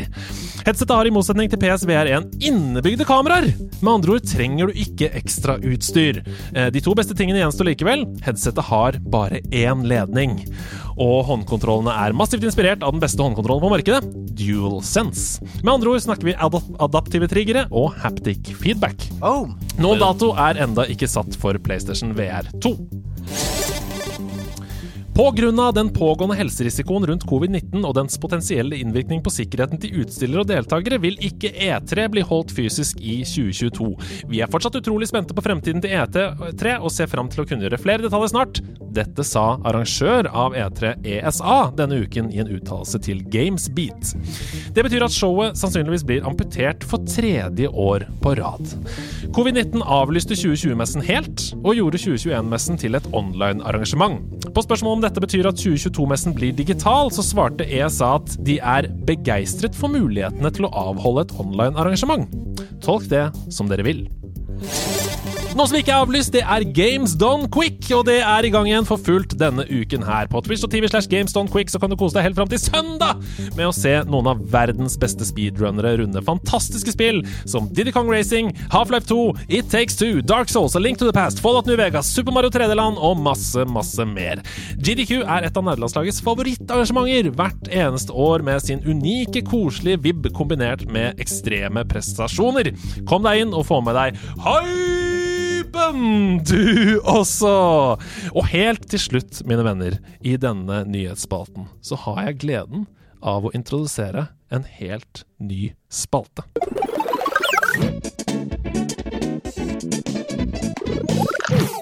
Pokey i posten. Pokey i posten! What? En pokey i posten? What? Det er, er det kaktusen, det? Ja! ja, ja. I Pokey i posten så kan vi nemlig sende en kaktus til noe vi klikker av! Ja. Eh, Pokey det er den kaktusen fra Mario-universet som går sånn waggle, waggle, waggle, waggle framover. Den lyden han lager. Waggle, waggle, waggle, waggle, waggle. Det er jo sånn, er det ikke det? Eh, og min Pokey jeg utfordrer altså dere, Stian og Hasse, til å komme opp med pokies ute, utover Ja. sesongen. Bjeffe litt fra oss. Ja, ja. Min pokie som jeg vil snakke med dere om, det handler om NFT. Og NFT det står for non-fungible token. Det er en måte å knytte eierskap til digitale gjenstander, sånn som f.eks. kunstverk, ved at man kjøper det kunstverket da, eh, via blokkjedeteknologi. Du kjøper et sertifikat på en måte som gjør at alle kan se at det er du som eier den digitale gjenstanden. Om det, om NFT er en bra eller dårlig ting i seg selv, det er ikke det jeg vil ta opp i dag. Fordi NFT er bare en, det er en teknologi som mm. fins. Det jeg vil ta opp, det er at den ene mer grådige spillutvikleren etter den andre lanserer helt elendige NFT-løsninger Mm. for sine spill i disse dager. Eh, verst i klassen er Konami. Ah, Aller verst i klassen. Ok. I morgen, den 12. januar, så auksjonerer de det selskapet, som jo er en skygge av hva de en gang var, dessverre, eh, vekk tolv kunstverk, jeg sier kunstverk i gåseøyne, fra Castlevania-serien. Og det de skal auksjonere vekk, det er enten pixelkunst eller videosnutter med gameplay eller låter, da. Og hvorfor det er noe poeng for privatpersoner å kjøpe de NFT-ene, det er det ingen som kan svare på. Nei. Og, nei, og det er det øh, Altså, jeg har tenkt så mye på NFT inn i spill, og hvor jævlig fett det kunne vært. Ja. Uh, og dette er, jo dette, no, dette er kona mi som tror at vi er så fete Mm. at folk kommer til å bruke masse penger på å eie uh, uh, pikselkunst av, eh, av Castlevania, som ikke gir de noe utility. Nei, for det er det som er problemet. Du får ikke rettighetene til noen ting Nei. som har med Castlevania å gjøre, Nei, nei. ved å kjøpe de giffene. Det er ikke du som eier IP-en. Selvfølgelig ikke. Nei, nei. Giffen du kjøper, har ingen verdi. Og det der er sånn Jeg har tenkt så mange ganger på det at eh, Tenk hvor mange skins du har kjøpt i spill. Og hvor mange greier du har, du har skaffet deg i spill gjennom uh, achievements eller hva som helst. Uh, våpen Mm. osv. Tenk sånn Tenk hvor kult det hadde vært. Ta League of Legends. Mm. Hvis du hadde fått tak i en super eh, eh, rare skin som du kun kunne få ved å liksom være på vinnerlaget i eh, LCS det året, for eksempel. Og så kunne du Du kunne holde på den, men du kunne òg eh, putte den ut som en NFT. Som vil si at sånn, noen kan kjøpe den skien av deg, eller du kan gi den videre til en kompis hvis du skal slutte å spille. Sånn at de tingene du opparbeider deg i spill ved å være flink og sånt, det kan du tjene penger på. Ja. Altså, for det, at nå er det sånn Det er jo en teknologi innenfor NFT som er sånn pay to, or, uh, to earn. At du spiller et shitty uh, mobilspill som er kun er laget for å på en måte egentlig tjene penger. Uh, så sitter du og spiller det kjempemasse og, og tjener bitte lite grann. Er det sånn, ja, Hvis du spiller uh, kjempemye, så kan du tjene 10 dollar i timen. Så bare sånn, ja, men Mm. kan ikke du heller jobbe, da? Mm. Uh, mens tenk i CS, for eksempel, hvis du uh, kunne gi vekk skinsene dine som NFT-er Gjerne hvis du eier den, så eier du det faktisk ting i spillet. Mm. Da hadde det vært mye gøyere. Ja, ja, og man kan jo diskutere om det på en måte allerede fins de slags løsninger fordi du kan selge kontoen din osv., men det er jo på en måte Ja, men, ja, men det er det sånn Ja, men altså, det, det er en teknologi som leter etter et bruksområde. Ja. Altså Ofte så er jo på en måte problemet med NFT-er at det, man, man finner opp problemer sånn at man kan løse dem med NFT. Yes, Ja, yes. Ting som allerede egentlig går helt fint fra før av. Og disse Konami-kunstverkene de skiller seg Altså disse NFT-ene De skiller seg kraftig fra andre digitale kunstverk. Dette er kun et eksempel på en grådig utvikler som kaster seg på en trend, som er det vi snakker om her nå. Ja. Eh, det nærmeste du kommer noe bevis på noe som helst, hvis du kjøper denne på denne auksjonen, det er at navnet ditt står på nettsiden til Konami. Nice. Så- Jeg, jeg, er inne, jeg er inne der en del, faktisk. Så du, du, kan, Ja, ja. du kan nesten se på det som en slags veldedighetskampanje, der hvor du støtter et stort selskap med penger, sånn at du får navnet ditt igjen. Så- Se for deg at du, det er som en patron. Du gir 1000 kroner til Sony. For at Sony skal si takk med navnet ditt på nettsiden. Sånn er det. Mm. For, altså, jeg, jeg har vært eh, Jeg har lest en del om NFT-er, fordi det er jo liksom noe man snakker veldig veldig mye om mm. uh, i disse dager. Og det er jo et tema som veldig fort skaper debatt. Mm. Uh, at altså, Du har noen på en side som er veldig veldig gira på det, og noen på den annen side som er veldig imot mot det. Eh, men så ser jeg ofte liksom jeg er veldig på mot, mot-siden. Eh, og når jeg, er, når jeg er inne på, på forum som, som skriver om det, så føler jeg ofte at eh, de som støtter det veldig, eh, har argumenter som stort sett ikke holder så, mye, holder så veldig vann. Og jeg, jeg var inne på Reddit i går, og da var det noen som drev og disset NFT-er, og så sier da eh, en eller annen random Reddit-user eh, Ja, men hallo, hallo, tenk hvordan vi kan bruke det her. Altså Se for deg at du kjøper et skin i Fortnite med NFT, sånn at du eier det skinnet. Og så kan du bruke det skinnet eh, i Castlevania, eller du kan bruke det i, eh, i COD, liksom. Og så og liksom bare bygger opp en sånn Ja, ja, ja. fantasiverden. eh, og, så, og så sier folk Vet du hvordan spill lages? Ja. Vet du at det ikke bare er sånn at den drakten der Det er ikke sånn at den i seg selv kan bare puttes inn hvor som helst. Det er ikke sånn Nei, nei. programmering funker. Nei. Men jeg føler veldig ofte at argumentene ligger oppi en sånn der fantasisky da, om hva NFT-er kan være. Men jeg, jeg er jo på, jeg er på forsiden fordi at jeg, jeg ser veldig mange gode eh, bruksområder på det. Men så er jeg så enig med deg at det er så sinnssykt mange shitty måter å bruke det på, Ja. som vi ser nå. For nå er det sånn Nå er det oppfinnelsen av det. Alle hiver seg på, og alle har lyst til å bruke det til alt. Det er litt sånn som e-sport var i starten. Det er ganske mye useriøse aktører som Masse. prøver å stjele pengene til folk. Det er egentlig det som er nå. Så vi, vi skal prøve å guide dere inn i den verden her. Men min poker i posten går ekstremt til Konami og andre spillutviklere som har lyst til å lyve til seg pengene dine via verdiløse NFT-er. For dette er verdiløst, rett og slett. Så jeg råder absolutt alle til å holde seg mange digitale kilometer unna den auksjonen som skal være i morgen. Ikke ta i det med ildtang. og så håper vi at ikke de blir eh, det mest verdifulle i verden. Eh, sånn, at, sånn at noen kan høre på denne her. Men du kan jo bare replikere giffen selv! Nei, Du kan bare gå inn og spille Castlevania. Kanskje det. Det er ikke mulig å spille Castlevania lenger. Nei, det er ikke mulig.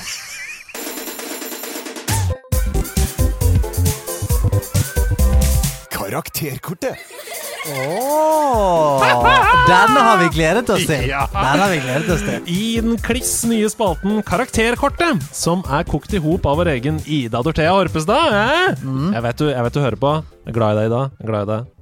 I den spalten så forbereder en av karakterene Nei, en av programlederne en spillkarakter som de skal gå inn i. Det kan være Eller parodiere, da. Det kan være Mario, men det kan også være en av vaktene fra Skyrim, eller en av apene i Ape Escape. Det kan det være. Du, kan gjøre det. Det kan du. Eh, og i den spalten så skal karakteren, da, som en av programlederne har forberedt, eksamineres. Ja. I form av et eh, ett minutt langt intervju, ish. Eh, og etter når den eksaminasjonen er over, så får da vedkommende en karakter på sitt karakterkort fra én til seks. Mm. Så når sesongen er over, så kan vi se på nettsiden hvem som går ut av nerdelandslagets harde skole med høyest eh, Ja. snitt. Hvem kan sine karakterer inn og ut? Stemme, meninger, følelser. Hvem er karakteren sin?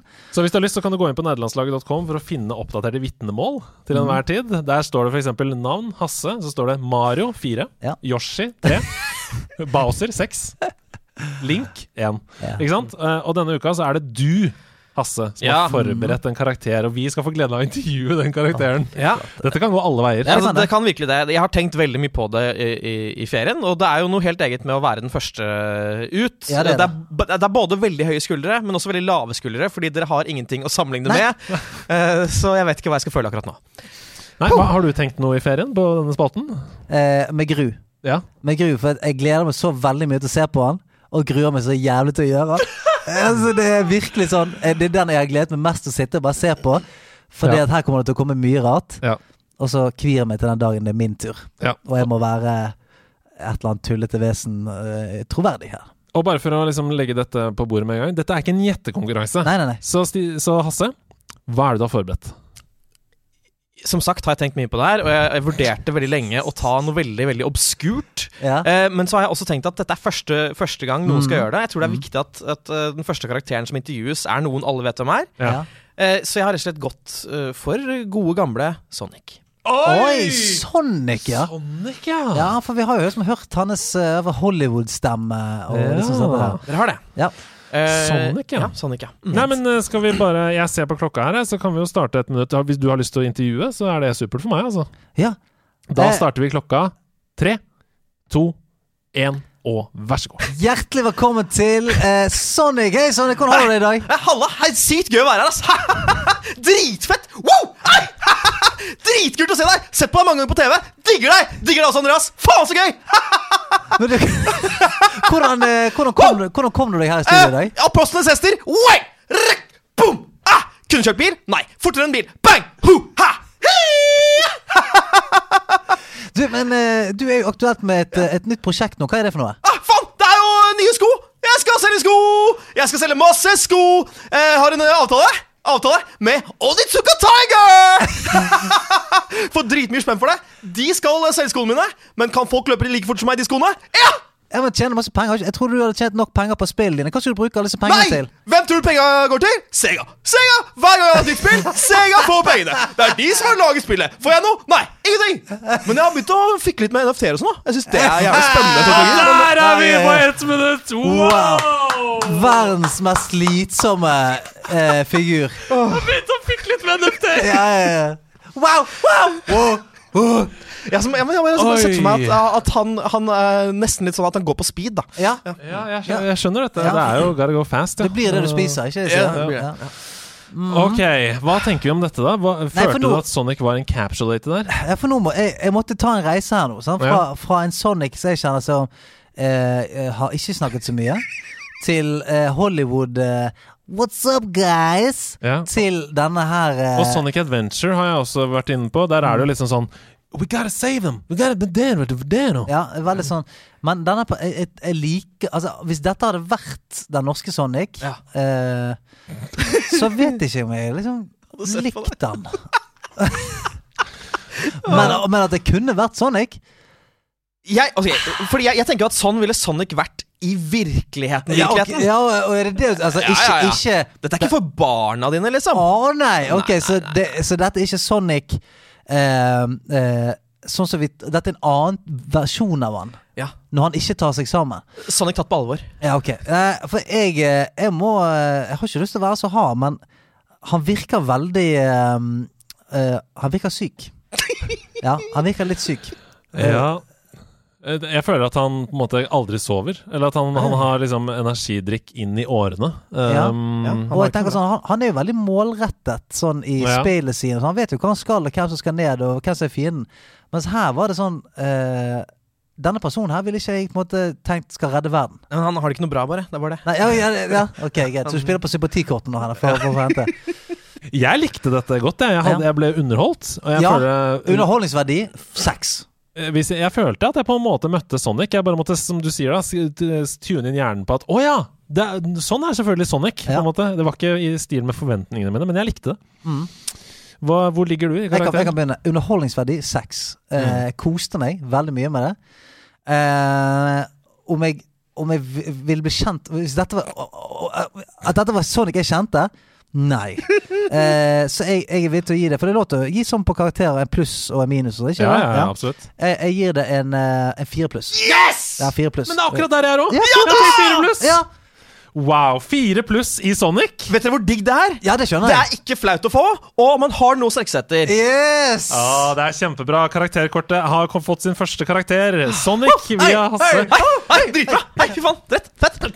Det som er litt gøy, det er jo at Tenk om noen andre tar Sonic senere i sesongen, og så skal vi sette det opp mot Oi, Hasse. oi, oi.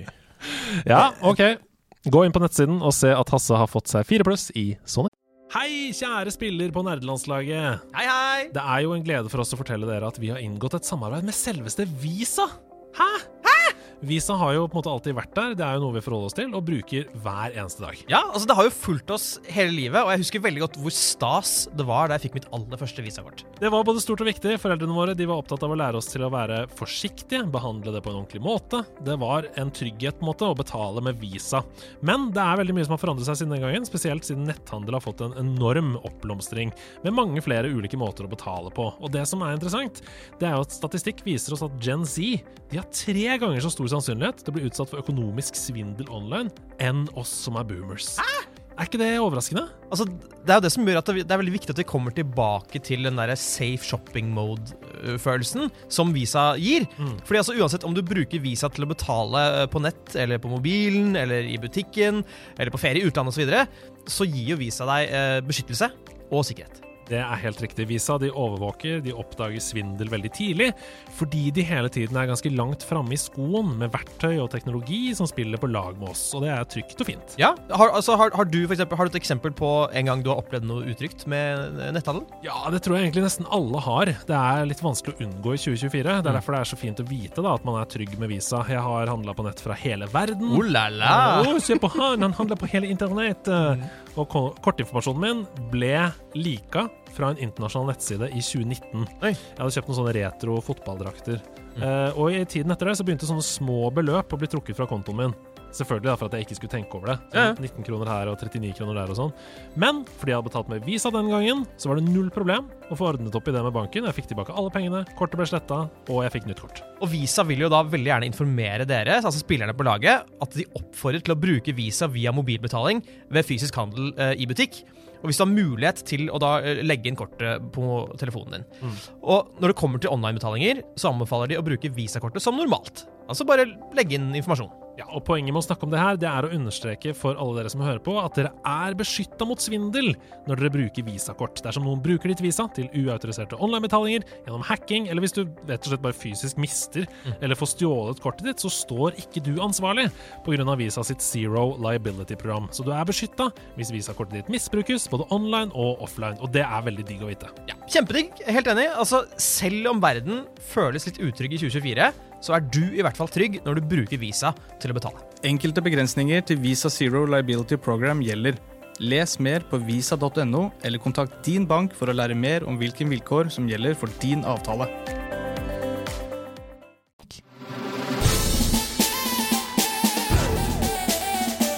Gå lydplanken!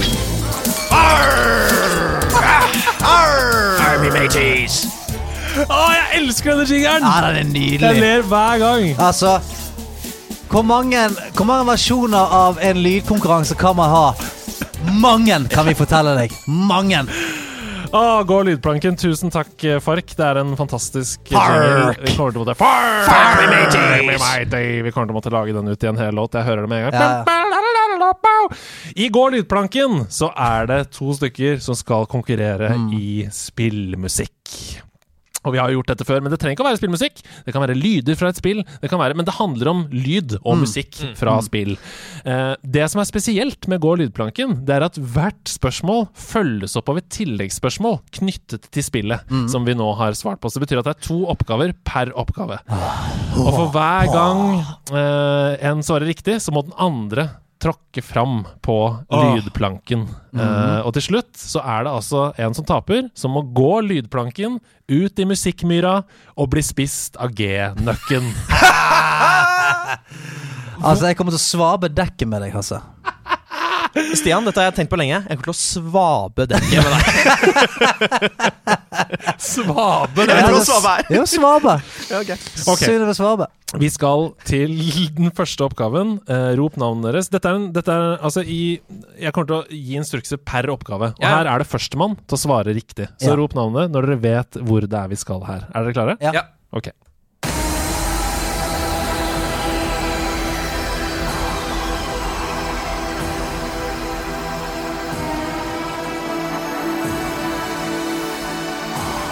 Stian. Er det Returnal? Nei!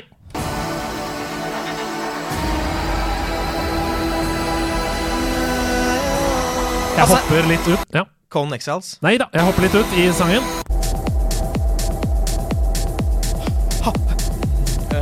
Hasse! Cyberpunk. Nei da. Å, det var bra du sa det.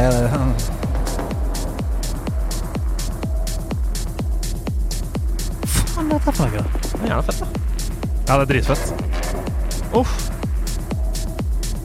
Hva forbinder dere med den type musikk? Berlin. Ja, men Cyberpunk er faen meg et bra tipp. Hasse, The Matrix-spillet. Absolutt ikke. Hva var det du sa, Stian? Så Cyberpunk er faen ikke et dårlig Nei, du sa Hva er det du forbinder med dette spillet, sa du? Berlin. Hasse! Wolfenstein. Nei. Faen! Hitman? Ja! Ja, det er Hitman! Ja! Det er Hitman i Berlin! Dette er Hitman 3 stemmer. fra Club Hølle Har du begynt å svabe dekket nå? Jeg har begynt å svabe dekket med deg. Gå fram på lydplanken. Landkrabbe. Og her kommer oppfølgingsspørsmålet, og det er altså førstemann til å svare på dette også. Dette nivået av Hitman 3, 3 Tre. det er en homasj til hvilken legendarisk nattklubb? Altså, Bergan. Altså, Nei, jeg tror jeg vant uh, oppfølgingsspørsmålet. jeg. nei, nei, nei, det er førstemann til å svare, sa jeg. Hasse, hva er det? Berghain. Ja, det er riktig! It's been swabbing the quiz, yo, mister. Jeg visste ikke reglene! Folk har vært sure på at vi ikke har ropt navnet vårt, så der fikk dere den. Eh, det, det har tapt Jeg tror trodde man vant et, et spørsmål her. Her kommer neste oppgave, og det er fortsatt førstemann til å si hvilket spill vi skal til. Stian. Fall Guys. Det er! Kan ikke du, kan ikke du sette deg ned, Hasse? Nei!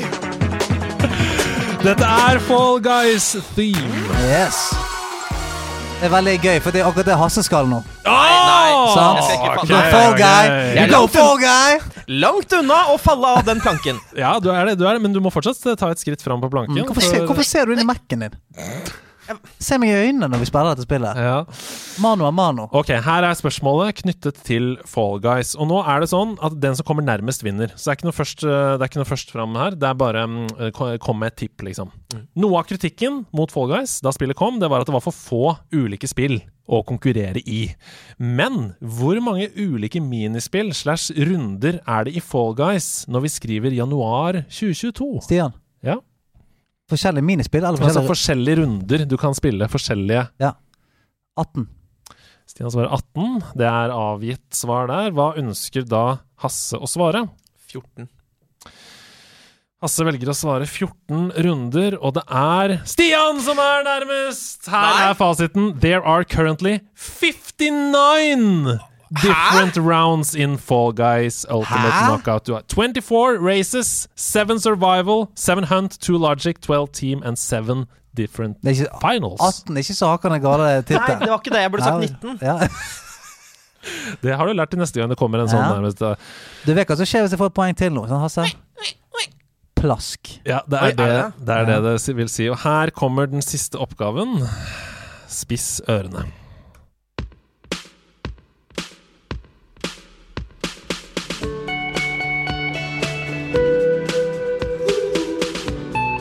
Hasse? The Artful Escape. Å, det er det ikke. Flaut. Kjeft.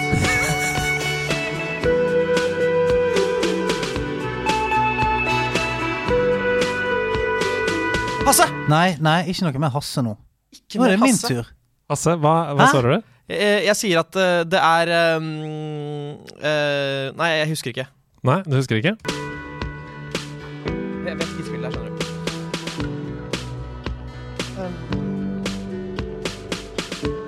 Trenger et svar her nå. Ja, eh, eh, Stian, er det Oxenfree? Nei, det er ikke Oxenfree. Men dere er på riktig bølgelengde, på en måte. Jeg har spilt det. Ja. Stian. Disco Elysium. Ja! Yes! Det er Disco Yes! Elysium! For en legende du er i dette, Stian Blippolini. Kan, vi få, kan, vi, kan noen lage en meme der jeg, jeg, jeg er akkurat som han Spartan-fyren som sparker han fyren i brønnen, og det er Hasse? Folkens, dere får 10 000 kroner om dere ikke lager det. Alle som ikke lager den, får 10 000 kroner. Ok, her kommer oppfølgingsspørsmålet til Disco Elysium. Og det siste spørsmålet det er nødt til å være litt ekstra vanskelig. Uh, Disco Elysium, The Final Cut, som kom i 2021, det ble i utgangspunktet forbudt i ett land. Dette ble senere opphevet, men jeg lurer på hvilket land vi skal til. Og her kan dere komme med ett svar hver, da. På hvilket land vi skal til. Ja, ok, så vi tenker å være, si navnet vårt dritkjapt? Nei da. Og så skal jeg forklare hvorfor det ble banna Ja. etterpå. Stian. Ja. Japan? Du svarer Japan. Uh, og hva svarer Nippon. du, uh, Hasse? Jeg svarer Saudi-Arabia. Du svarer Saudi-Arabia. Dere har begge feil! Yeah! Dere har begge feil. okay. Riktig svar er Australia. All right. Av alle ting.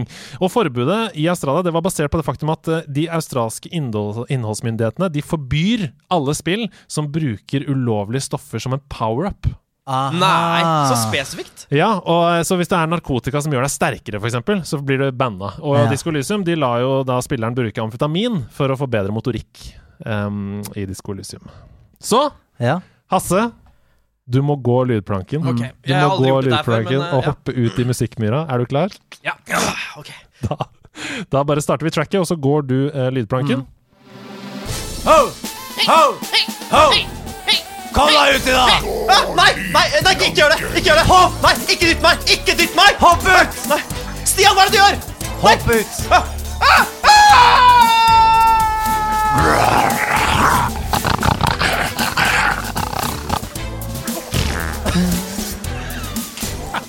Siste liten ha det der. The final cut.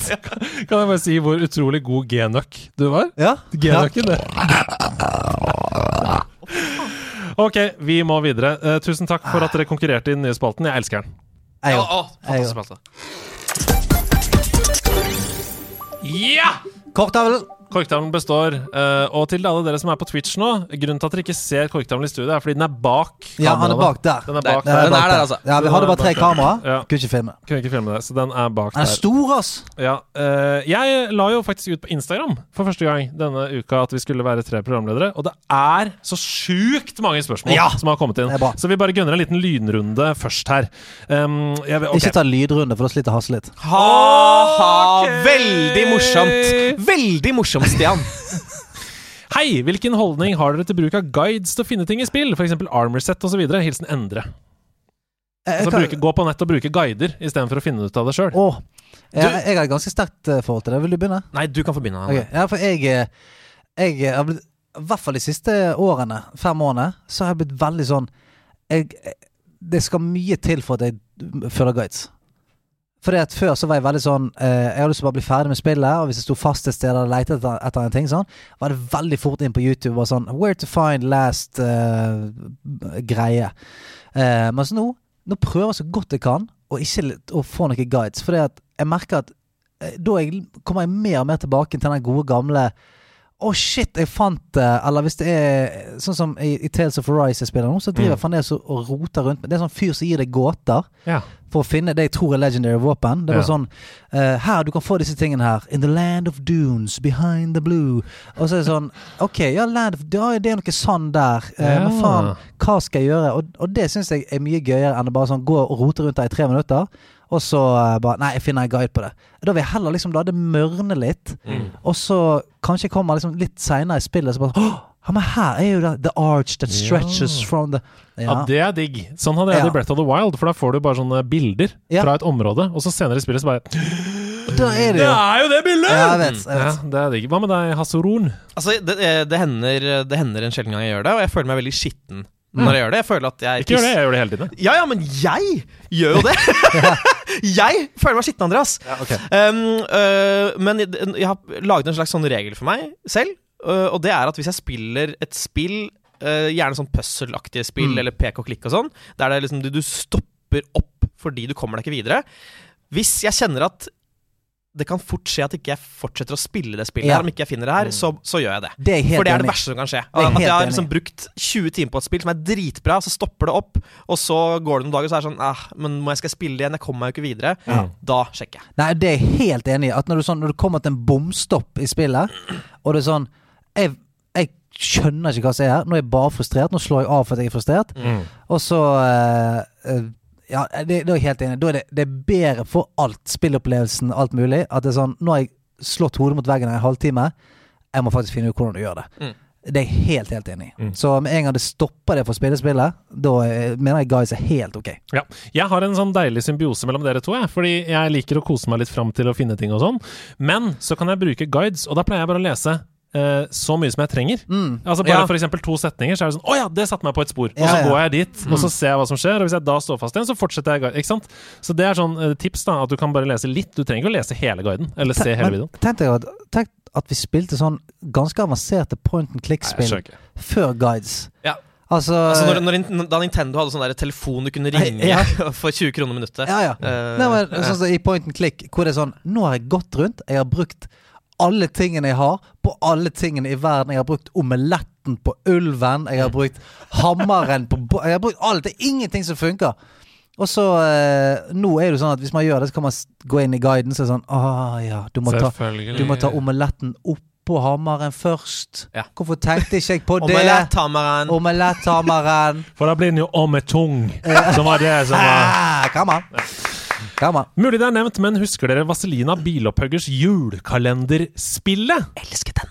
Spille? Eh, spille? Oh, jeg har ikke peiling. Hæ? Kødder du? Jeg har aldri hørt om. Ikke heller. Så da fikk du svar på det. Eh, Booger89 skriver noe spesifikt spill dere ser fram til i 2022. Er det noe spesifikt spill vi ikke ser fram til i 2022? Jeg, eh, men jeg, jeg vil bare ta Siden jeg, jeg kommer sikkert til å være den eneste som snakker om dette spillet her, Mm. så, jeg, så jeg holder litt fast på en sånn liten bobler i 2022, og det er faen Dying Light 2. Ja! Jeg så nå at utvikleren var, kom og sa at det er 500 timer med gameplay, og at bare story Ja, bare storydel er 100 timer. Og da var jeg sånn Det er fett, det. Det er fett å begynne et spill. Du er inne i denne svære verden her, begynner å finne ut av ting, så vet du at sånn Dette Her kan det være 500 timer. Det er fett, det. I hvert fall hvis det er kult spill. Hvis det er drittspill, så er det sånn Nei, det skal ikke være her i 500 timer. Ja, Hva med deg? Et, spill? Hvis det, er- hvis det er ett spill, så blir det Overwatch 2. Ja. Rett og slett. Eh, de skulle, skulle kommet ut i 1916, liksom. Så. det- ja, men det er nydelig. Greie. jeg. Hvis jeg må velge ett, så er det Breath of the Wild 2. Ja, Eh, altså, det, er, det er umulig å ikke Ja. si det som Horizon. det er 40 000 spill Ja. vi gleder oss til, og ja, det er så mye. Men um, Breath of the Wild 2, helt nydelig. Tiny Tinas Borderlands. Åh, ja, Jesus. on. Fersk PS5-eier her. Er grafikken og hardware så bra at vi kan stoppe nå? Stoppe nå! Er du gæren, eller? Don't stop me now, I'm having such a good time. I'm playing my game. Don't stop me now. Wow! Der er vi gode. Ja, vi er det. Uh, folkens, det, jeg, tror, jeg føler at den debatten ofte handler om uh, Har grafikken eh, blitt så god nå at ikke vi trenger å gå videre? Ja. Uh, og det, kan, det er jo en egen diskusjon, men du må ikke glemme at det handler også om liksom, hvor kjapp maskinen er, og framerate og alt det der. Og jeg har jo lyst til å spille et spill i 10 000 FPS, liksom. Ja, Eh, så nei, vi skal fortsette som, som bare det. Eh, og at det også blir penere, er bare en bonus. Vil det bli noen faste streamingdager? Elsker å se på nederlandslaget. Hilsen Arne. Ja. Selvfølgelig. Tirsdager, episoder. Og torsdager. Da blir det mer eh, gode, s- gode streams. Vi bare spiller litt forskjellige ting. Eh, nye spill som kommer. Guardians of the Galaxy, Skyrim. Du skal spille GeoGuessr. GeoGuessr og Age of Empires Ja, og deilig. Chivalry 2. Ja, Chivalry 2. Du skal sikkert spille noe greier. eh, Tales of Arise. Ja, jeg skal sikkert spille noen greier. Eh, men, uh, men det vil si at vi har fast tirsdag og torsdag, Mm. men ikke eksklusivt til de dagene. Nei. Det kan, kan være spilling eh, og streaming hver eneste dag, det er for alt vi vet. Og kan jeg bare Dette fortjener nesten sin egen spalte, men for et par år siden så hadde Stian og jeg en show-off i Overwatch som var jævlig close. Der Yes. Stian endte opp med å vinne. Og jeg vil i 2022 at vi skal bygge opp til en ny duell. Vi har fått konkret spørsmål om det. Om dere kan ha rematch. Ja. Stian, tør du? Om jeg tør, ja. Du sitter og skal, pisser på deg, jo. men skal vi putte noe on the line her? Ja, veldig gjerne. En NFT, for eksempel. En veldig billig NFT. NFT av det andre sitt fjes, som er verdt null kroner? ja, noe on the line. Hva da? Ja, vi skal tenke litt på det. Ja, men, det. eh, Men det skjer. Ja, noe, litt, noe som skal gjøre det enda surere å tape. Jeg fortsetter med lynrunden. Har noen av dere kjent på en skam ved å være gamer? Eller nerd? Hilsen Du, Moen. vent litt, to sekunder. Jeg kom på det. Jeg kom på eh, en en. Hvis jeg vinner over deg, så vil jeg være bakgrunnsbilde på telefonen et år. Oi, men det er jo den faste som du lodder ut. Mm. Det er jo Ja. content for deg, da. Content for meg. Den, ja. ok, ok, la, eh, mm, skal tenke på det. Og det er jo det, altså, det kjipeste med det er jo trynet ditt. Jeg Ja. hater jo trynet ditt. Hva med andre veien, da? Hvis Hasse vinner? Skal rumpa hans være på din, eller? Rumpehullet mitt. Jeg, jeg ser ikke forskjell, jeg. Men uh, jeg vil, vil Vil Ok, én måned. Jeg skal være bakgrunnsbilde på telefonen din en måned. Deal. Deal? Mm. Greit. Hva vil du ha? Jeg skal, ta, jeg, skal, jeg må tenke på det. Jeg skal finne noe som svir ordentlig for deg. Har noen av dere kjent på skam ved å være gamer eller nerd? Hilsen Mo1JR. Moen junior. Moen junior. Mm. Ja! Uh, på, på ungdomsskolen og videregående så gjorde jeg det, fordi da var ennå ikke nerdkultur og spillkultur en del av mainstreamen. Og jeg var veldig nerd, var veldig populær. Uh, kjente veldig på det at dette er noe av grunnen til at jeg ikke er populær, er at jeg spiller så mye. Mm. Så ja. Uh, mange, mange mange år. Og så, etter hvert som jeg ble voksen, så skjønte jeg at det betyr faen meg ingenting. Jeg hadde akkurat det samme. Eh, det var sånn Jeg måtte ha noen venner som jeg liksom spilte og gjorde den nerdetingen med. Og så mm, måtte jeg gjøre noe annet ute i den Mm. virkelige verden, kall jeg det. da Sånn at jeg, jeg følte jo det at at det var noen jeg kunne gå bort til sko i skolegården og si sånn Faen, det er Hemmelig språk. liksom. Ja, jeg er sånn Har du da- Final Fantasy 10 er det på slutten her? Er hva gjør vi der? Har du funnet ut av det? Nei, Ok, vi snakkes neste friminutt. Litt som en dealer, liksom. Ja, ja litt en dealer. Du har noe Intel på Har noe Intel på Sinn, eller? På siste bossen der? Ja. ja. Jeg husker at eh, til ganske liksom langt opp i at jeg begynte ja, Eller i hvert fall med en gang jeg begynte å jobbe, så var det også sånn at hvis jeg uh, var helt sykt gira på et spill, så kunne jeg f.eks. for, for julebord eller jobbfester og sånn si sånn Jeg er sliten, eller jeg skal opp så sykt tidlig i morgen, eller noe sånt, så jeg bare tar kvelden nå, jeg. Eh, Ja. Vi snakkes. Og så gikk jeg hjem for å spille isteden. Mm. Jeg turte ikke å si Jeg er jævlig keen på å gå hjem og spille. Ja, ja. Det turte jeg ikke å si. Mm. Uh, og det mm, Ja, det er jo på en måte en slags skam, da. Eller uh, i hvert fall noe man skjuler. For, Mm. ja. ja, ja jeg er helt, enig. Men der er ikke vi nå. Nei, ikke i det hele tatt. Loud and proud. Eh, vi tar et siste spørsmål fra lynrunden her. Ja. Uh, Hei gutter, jeg vil si at sjakk er en typisk nerdegreie, så hva er deres forhold til sjakk? Hilsen eh, Simen. Jeg jeg må jo være helt ærlig at jeg syns jo sjakk eh, er generelt sett veldig kjedelig å se på. Veldig kjedelig å spille. Eh, men jeg syns det er veldig gøy å se på, på lynsjakk. Ja. Ja. Lynsjakk eh, når det er liksom VM og sånt, det kan jeg synes er gøy. For det, eh, det er såpass kvikt, og de kommentatorene er såpass flinke at jeg, jeg klarer å engasjere meg. Jeg klarer liksom å ja, det var bra, ja. Og så er de flinke til å provide intel som gjør at jeg, eh, jeg henger meg litt på. Men vanlig langsjakk, for eksempel, det klarer jeg ikke.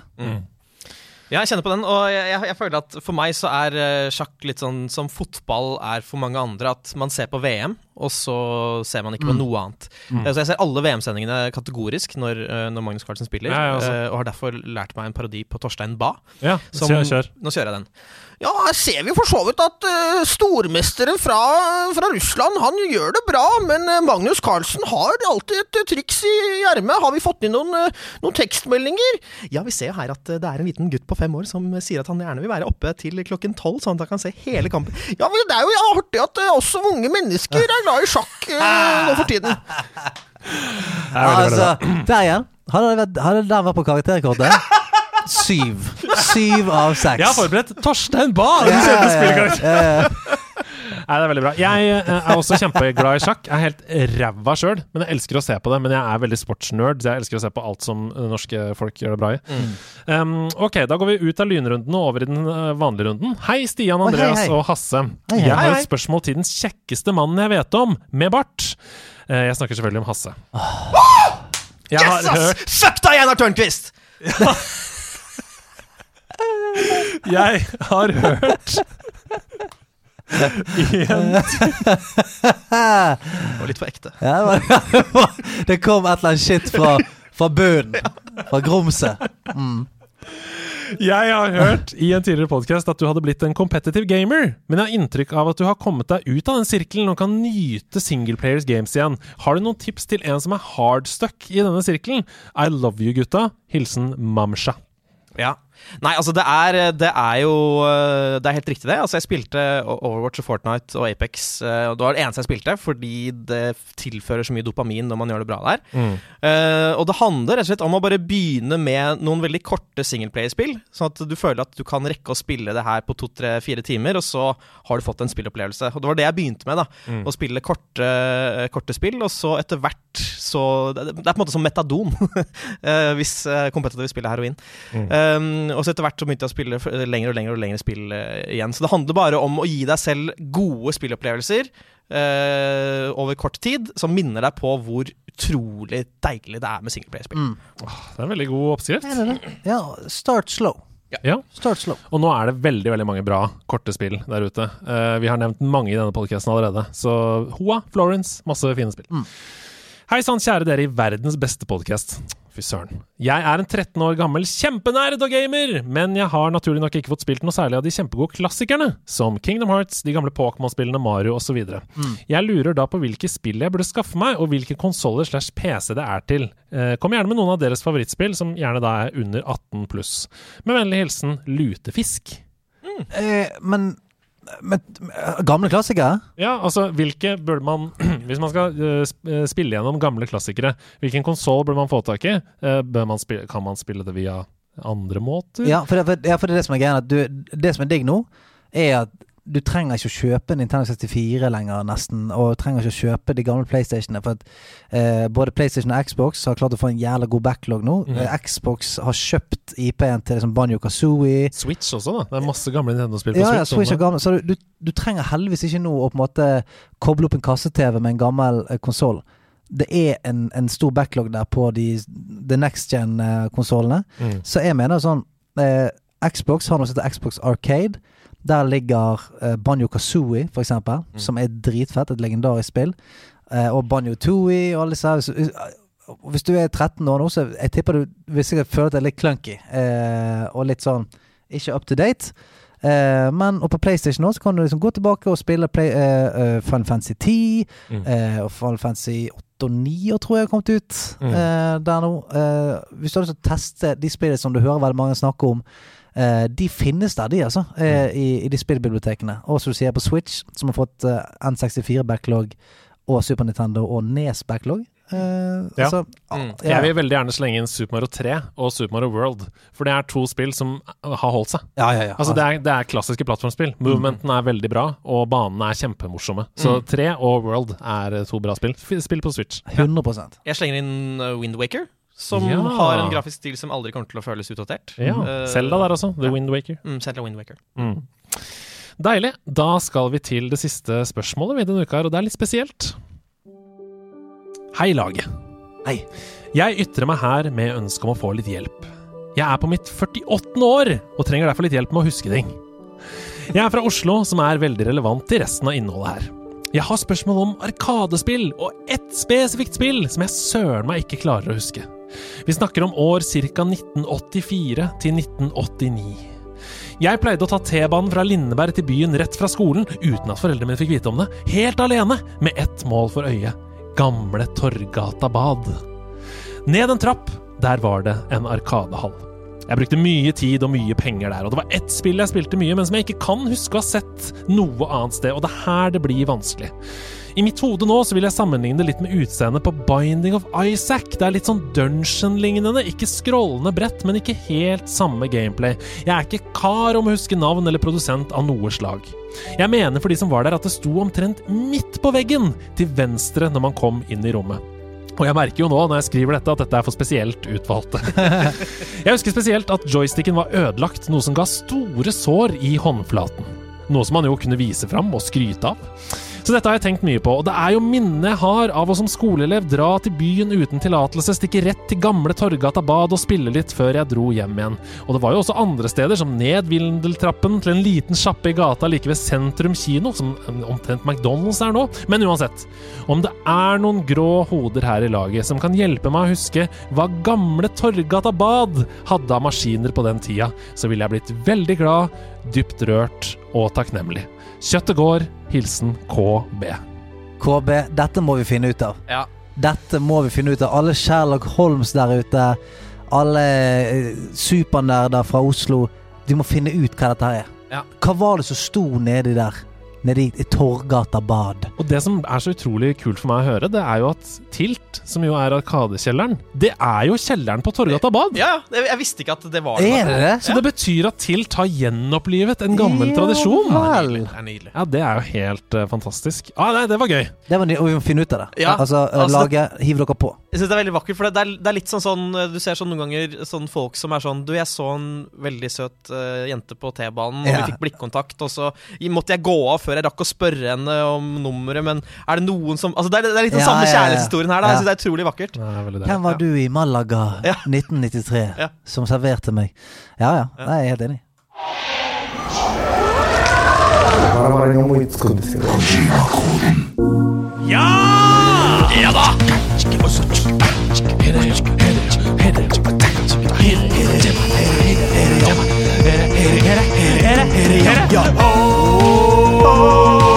Ere yoko te mana dada wa me mare o Ere yoko te mana dada wa me mare o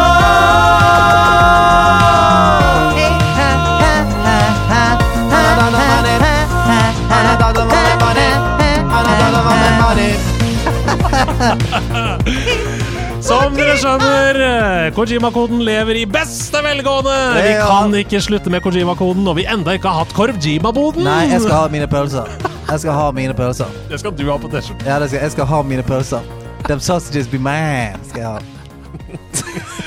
oh, og i Kojima-koden denne uka her så har jeg brukt lang tid på å forberede en Kojima-kode, mens de to andre nissene i studio har brukt to minutter rett før vi gikk inn døra. Ja da. Vi, eh, har du sett den andre T-skjorten? Work smart, not hard. Kanskje noe Sjekk ut. Ja. Hvem er det som har lyst til å begynne med Hvem er det som har tatt over Kojimas kropp først? Er du, jeg, kan- jeg kan ta den, for jeg tipper min er Over. Kojimas kropp? Ja, men, jeg, Kojima har tatt over din kropp, ja, sånn men er jeg har tatt over hans. Men eh, min, jeg tror min er den dårligste. Ok? Så, Da må bare vi slå hodene våre Ja, sammen så da, jeg bare, sammen. Jeg bare tar den, Ja. bare for å få den ut av verden. Ok, Ta første først, da. For det er vel todelt? Ja, det, det. Et dyr i en bukse. En armé av skurker. Du løper fra steiner og rir rundt på purker. Et dyr i en bukse. Ok, så da, det er, vi- har en Ja? Mm. Altså noe som bor inni en bukse. Nei, ikke noe Ja, som bor i nei, en altså, bukse. det, er, det er en karakter med Å ja, som har på seg i bukser! bukse. Det er det er ikke en trouser snake, Nei. liksom. Det, nei. Jeg tenker Conquer med en gang. Et dyr i en bukse som Hva, gjenta? Et dyr i en bukse. En armé av skurker. Ja. Du løper fra steiner og rir, rir rundt på purker. Conquer hadde ikke på seg bukser. Jeg er ganske sikker på at ikke han hadde på seg Ja, bukser. ok, men det er i hvert fall en armé av um, armé, armé av fiender. Ja. Du løper fra steiner og rir rundt på purker. Ja, purker, det er da gris. Ja. Uh, kan det være spillegris? Nei. Nei. Uh, for det, det betyr grå Ja, på spansk. eh, eh, Um, um, jeg prøvde å være morsom. Ja, men vi går videre. Uh, okay, hoppe det er mange spill med hoppe fra steiner. Det tror jeg ikke vi finner ut av, men Uh, Ja, for det kan jo være både rullende steiner i Super Mario 64, men det kan også være fallende steiner. Det kan være, men ri rundt på griser, det er der hintet Ja, er. ja. Et dyr som har på bukser og ri rundt på griser. Uh, Spyro Eh, Nei, ikke Spyro. Um, Ratchet and Clank. Rir de på gris der? Eh, um, kanskje. Ja Ri rundt på griser. Fordi det jeg sliter med, er at altså, sånn, eh, spillkarakterer og sånn dyr og sånn pleier aldri å ha på seg bukser. De har alltid på seg noe på overkroppen, à la Donald. Mm. Uh, veldig sjelden de Vil dere ha neste steg? Ja! Må nesten ha det, altså. En bane av is til evig frustrasjon. Siste bossen, og egentlig alle andre bossene, er en kujon. Bossene er jeg redde for deg. Du er helt utrolig god til å lage dette på to minutter, for dette er veldig bra. Ja, sant? En bane av is til frustrasjon. Um, det høres ut som et plattformspill. Det høres ut som Banjo Kazooie, Banjo, kanskje? Banjo har på seg uh, bukser. Ja, og du Er- Ja. Brunhilda, er hun en kujon, Ja da, for hun forsvinner jo voff, i røyk og kommer tilbake igjen. Voff. Ja. Det er Banjo Kazooie. Nei. Nei, for det er ikke noe, hun driver ikke på griser her, vet du. En bane av is. Hvilke klassiske isbaner er det som er til frustrasjon, da? Det Super Mario 64 med pingvinen. Um, uh, Super Mario 64-pingen. Um, så redde bosser. bossen, kanskje Crash Bandicoot? Ja, det er Crash Bandicoot! Ja, for du rir jo selvfølgelig på gris! Gris. Crash Bandicoot, og bossene er kujoner, selvfølgelig, feige og spretter unna. Ja. Veldig bra. Hæ? Veldig bra. Jeg må se om chatten Ja, hadde den her. ja altså, eh, KP kom og viste det inn i, i bildet. Han skjønte det. chatten, chatten på Twitch uh, hadde skjønt det allerede. Ja, Ja, ja, dere er gode, dere er gode. Ok, Hasselonin. Ja, vi tar meg nest, sånn at vi kan ta den beste til slest. Det er ikke så bra, altså. Um, Jo, oh, ja, ja, for, ja, du bygde det jævlig opp. Ok, kjør, Hasse. Ok. Et dyr som beveger seg hit og dit. Mye dyr i dag. en bukse? Litt tøy hadde smakt. Den er gul og hvit. Den har lange bein og noen ører så stor. Ble aldri like stor som sin pinnsvinbror. Ok, det er et plattformspill. Uh, Sonic er jo broren. Um, Gul og hvit? Ja. beveger seg hit og dit. ja. Men hva, hva er den der gule og hvite Sonic-moderen? eh, Altså, det, det ble aldri like stor som sin storebror. Um, Sin pinnsvinbror. Pinnsvinbror, ja. Pinnsvinbror? Ja, det, Sonic er jo pinnsvin. Ja, men er, det, er denne karakteren også en pinnsvin, da? Ja, men ikke er det haug med pinnsvin i det universet, da? Litt tøy hadde smakt. Den er gul og hvit. Naken Ja, men eh, er ikke det sånn hvit Nei, gul og hvit Sonic-dame? Nei. Nei, eh, det er jo hun eh, Det er jo ikke pinnsvinbror. Altså, broren hennes er pinnsvin, men hun ikke nødvendigvis det. Er det den der re revejævelen i, i Sonic-verden? Skjønner du hva jeg mener? Uh, Ja, nei. Hæ? Jeg forstår ikke, jeg skjønner. Gul og hvit. Beveger seg hit og dit. Et dyr. Det er laget på to minutter, Andreas. Du må ta, du må ta Ja. litt grann salt i det. Ok. Kan jeg få ett gjett? Ja, men jeg, jeg kan ikke navnet på hun der. Jeg, jeg tror det er den der uh, fluffy uh, jævla kompanjongen til Sonic. Du svarer den fluffy jævla kompanjongen til Sonic, Ja. og det er feil. Ok. Her kommer neste. Eh, ja, men jeg må gjette én, jeg òg. Ja, du må det. Eh, eh, plattformspill, gul og hvit. Noe, noe, klær, noe klær hadde smakt. Sant? Noe litt tøy hadde smakt. Noe litt tøy? Nei, nei, litt tøy hadde smakt. Oi, å, Sånn ei tøying? Ja, men Det kan hende at man leter etter uh, noe i det spillet. Altså Man leter etter Man samler på Det kan være lange bein? Nei, jeg, Nei. Det, er, det er en eh, struts, eh, sier vi. Du, vi gjetter på den um, Men det er et spill vi skal fram til. Det er en spilltittel vi skal fram til. Ja, spillkarakter slash tittel, og dere får andre vers nå. Størst på 16-bitteren, men aldri så svær. Verken kritikerrost eller barnekjær. Men ikonisk likevel. Kanskje dog litt ironisk. For denne gaupen har jo blitt ikonisk. Ok, nå sa jeg ikonisk to ganger. sier jeg. Ja, og, altså, Man kan rime ikonisk med ikonisk, men denne gaupen har blitt ikonisk. På 16-bit. Nå, Chatten koker sikkert, men jeg aner ikke um, hva dette er. Ass. Det kan være Gaupen, 16-bit, Sega, eh, Pinnsvinbror, Gul og hvit. Men kjent likevel, kanskje dog litt ironisk, for denne gaupen har jo blitt ikonisk. Kjent likevel, men det er litt ironisk fordi han er ikonisk. Lynx Man er liker den litt ironisk, da. Nei, vet du hva, jeg har ikke sjans, Jeg har ikke sjans, jeg har ikke sjans. Det er et eller annet med at hjernen min Vi har hatt så mye forventninger til denne innspillingen at det er Ja. helt kokt. Ja. Hva er det for noe? Ok, Fordi det er veldig mange store plattformkarakterer der ute. Mm. Og veldig ofte hvis man skal tulle med sånn Ja, mitt favorittplattformspill, så kanskje bruker man denne karakteren litt ironisk. Sånn, ja, det var min favoritt. Men det er Åh, er det det. Bubsy? Ja! Er det Bubsy? Litt tøy tøyenes makt! Han skal jo samle inn er sånn yarn, Bubsy! sånne uh, ullballer. Ah. Selvfølgelig er det Bubsy! Ja! Jeg tenkte på det i stad, og så svarte jeg det ikke. Ballekrem. Ja, det er ballekrem. Ballekrem. Ja, dritt. Ok, her kommer min uh, Kojima-kode. Eller her kommer Hidio Kojimas kode gjennom meg. Ja, selvfølgelig. Du må suge ut livet for å bli sterkere selv. Og selv bestemme når du vil ta hver level. Level? Oi. Du må suge ut livet for å bli sterkere selv. Og selv bestemme når du vil ta hver level. Um, jeg bare tenker på dette med Soul Reaper. Er det Nei, det er ikke det. For Jeg tenker litt på dette spillet som, som kommer i år. Jeg husker ikke hva det heter, men der du blir eldre og eldre etter hvert som du slår øh, dør og sånn. Um, Hæ? sånn kung fu-spill. Benjamin Button. Benjamin Button the game. Smash that Benjamin Button. Nei, det er, det, er, det er ikke det. Men øh, altså, det, er, det er noe med at man, man mister Man, man Suger suger ut livet, og så blir man kanskje sterkere av å suge ut livet, da. Jeg velger Når skal jeg ta hvert level? Suger ut livet. Det er mørkt. For å bli sterkere selv. Du velger selv når du skal ta neste level. Uh. Mm. faen, jeg er dårlig i dag. Ja, Ja. også. Ja, for det er litt eh, Du velger når du tar neste level. Ah. Skal dere ha nummer to? Ja. Ja. ja.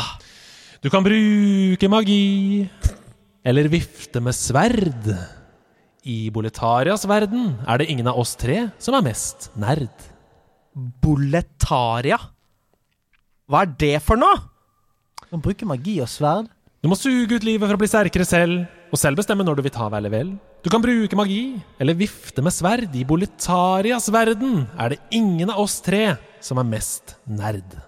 Ok, så vi Det, det er en nerd karakter Det er noe som er mer nerd enn oss. I Boletaria. Det er ikke noe sånn Colen-shit? Sånn hvis hvis ikke vi er mest nerd i den, den verden der Du må su... Helvete. Du sa noe i stad. Du Oi. sa uh, Du sa en figur. Du sa Reaper. Soul Reaper. Reaper? altså, Reaper i Overwatch, liksom? Du, er, du kan ikke velge Det er ikke noe levels Nei, der. nei, nei. nei, nei, nei. Men du sa Du sa Soul Reaper. Ja. Soul Reaper of Souls. Soul Soul Caliber. Soul Du må suge ut livet for å bli sterkere selv. Soul Siphon. Soul Sucker. Dette er helt sjukt. Bloodborne. Dark Souls. Dark Souls? Demon Souls. Tre. Ja! Du må suge ut liv. Du samler jo på sjeler. Du dreper Så får du soulen til folk. Du får sjel, ja. Det er Ja. ikke livet. Kan du bare- Livet. Sjel du Kan, får. Ja. kan du bare sjekke Eh. hvor rasende chatten er akkurat nå, Andreas? Ja, det koker. Demon's Souls, Demon's Souls, Demon's Souls, Demon's Souls, Dark Souls. Er det ikke Souls, da? Det må jo være Souls. Det er ikke noe Boletaria i Dark Souls. Nei, fordi Boletaria er jo der hvor du er i Demon's Souls. Ja. Og så velger du når du vil gå inn i 1-1, 1-2, 1-3. Du kan gå inn i de forskjellige verdenene når du vil. Eh, okay, det var jo dårlig. Ja, ja, Det har ikke noe pølser er- på seg nå. Det ble ikke noe dogs på dere, men det er seint på dagen. Um, og vi har uh, flere spalter på menyen. Det har det. Er du klar, Stian? Ja.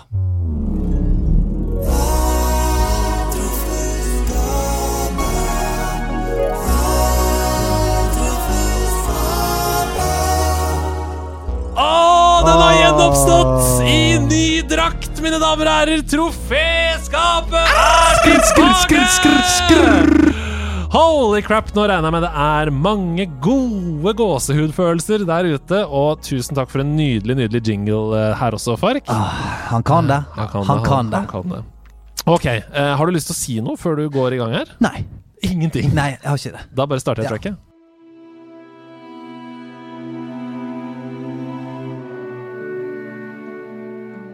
Jeg har alltid hatt en helt spesiell plass i hjertet mitt for en helt spesiell type spill. Jeg vet ikke hvorfor, for på overflaten så kan de virke litt uangripelige. Rare. Over the top. Ute av synk med resten av spillverden. De har et persongalleri hvor den ene er snodigere enn den neste, og sverdene kommer kun i én størrelse. XXL. Kjærlighetsforholdene er mer komplisert og forbudt enn noe av det Shakespeare kunne tryllet fram i sin storhetstid. Ondskapen er derimot ikke så komplisert. Den har som oftest bare én plan å ødelegge verden. Verken mer eller mindre.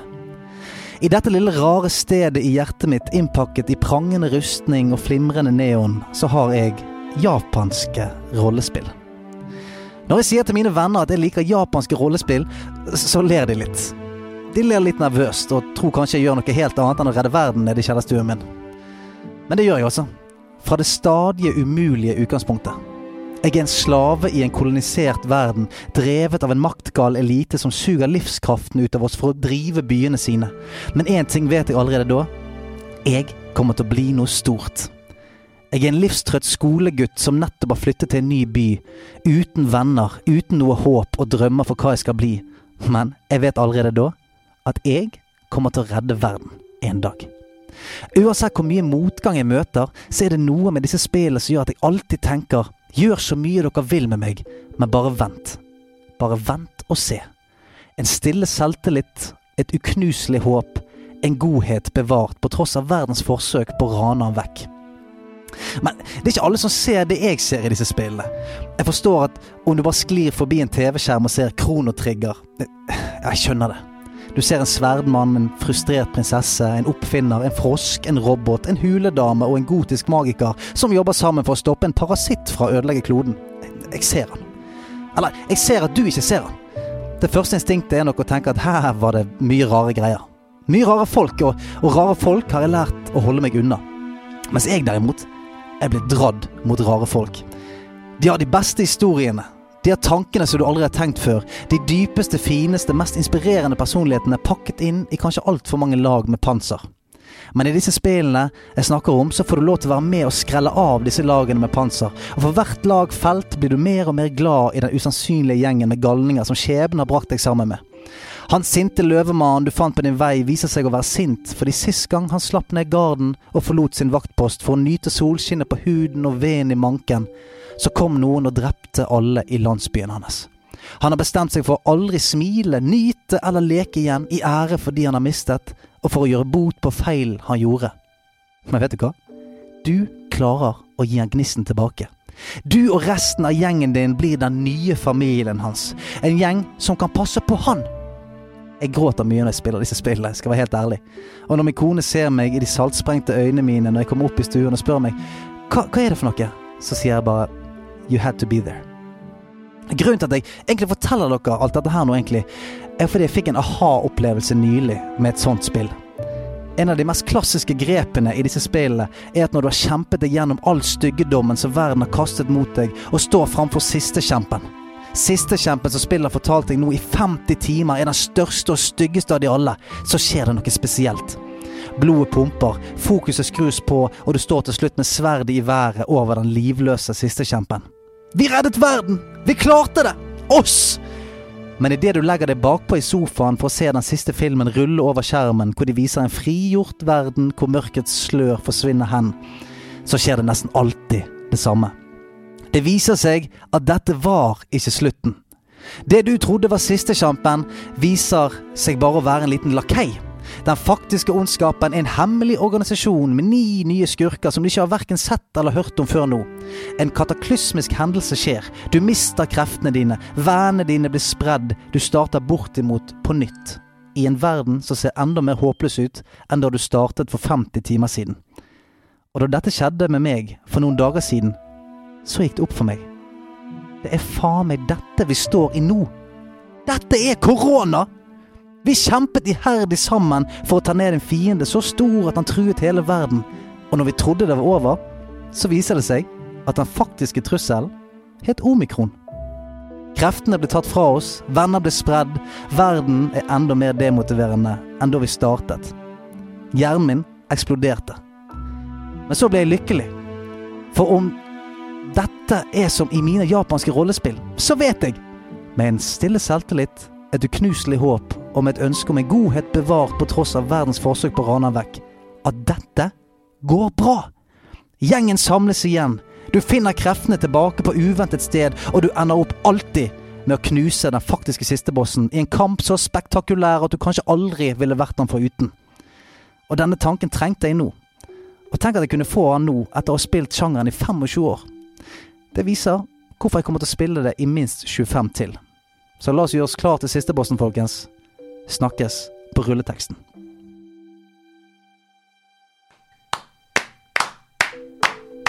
Ja Ja da! Ja! Å, det var utrolig fint! Åh, det var så mange ting jeg følte der. Jeg ble rørt, men jeg ble også på en eller annen merkelig måte sånn pumpa.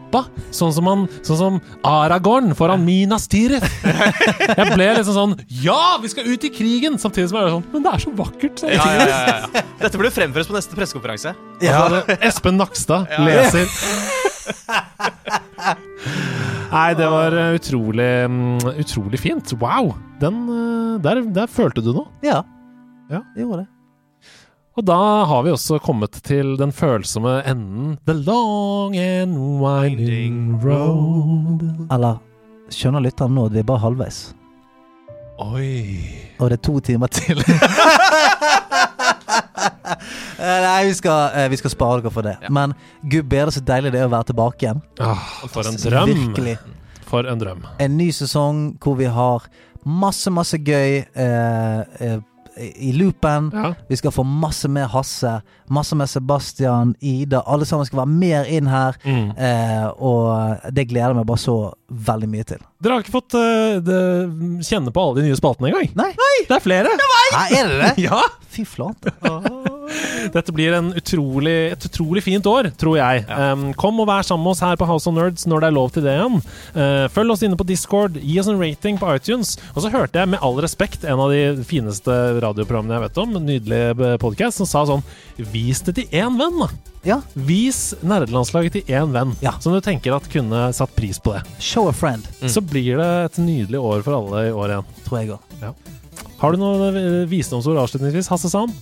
Folkens, uansett hva dere velger å gjøre den kommende uken, ikke glem at uh, Hasse er en uh, ordentlig fin fyr. Ha det bra! Ha det bra!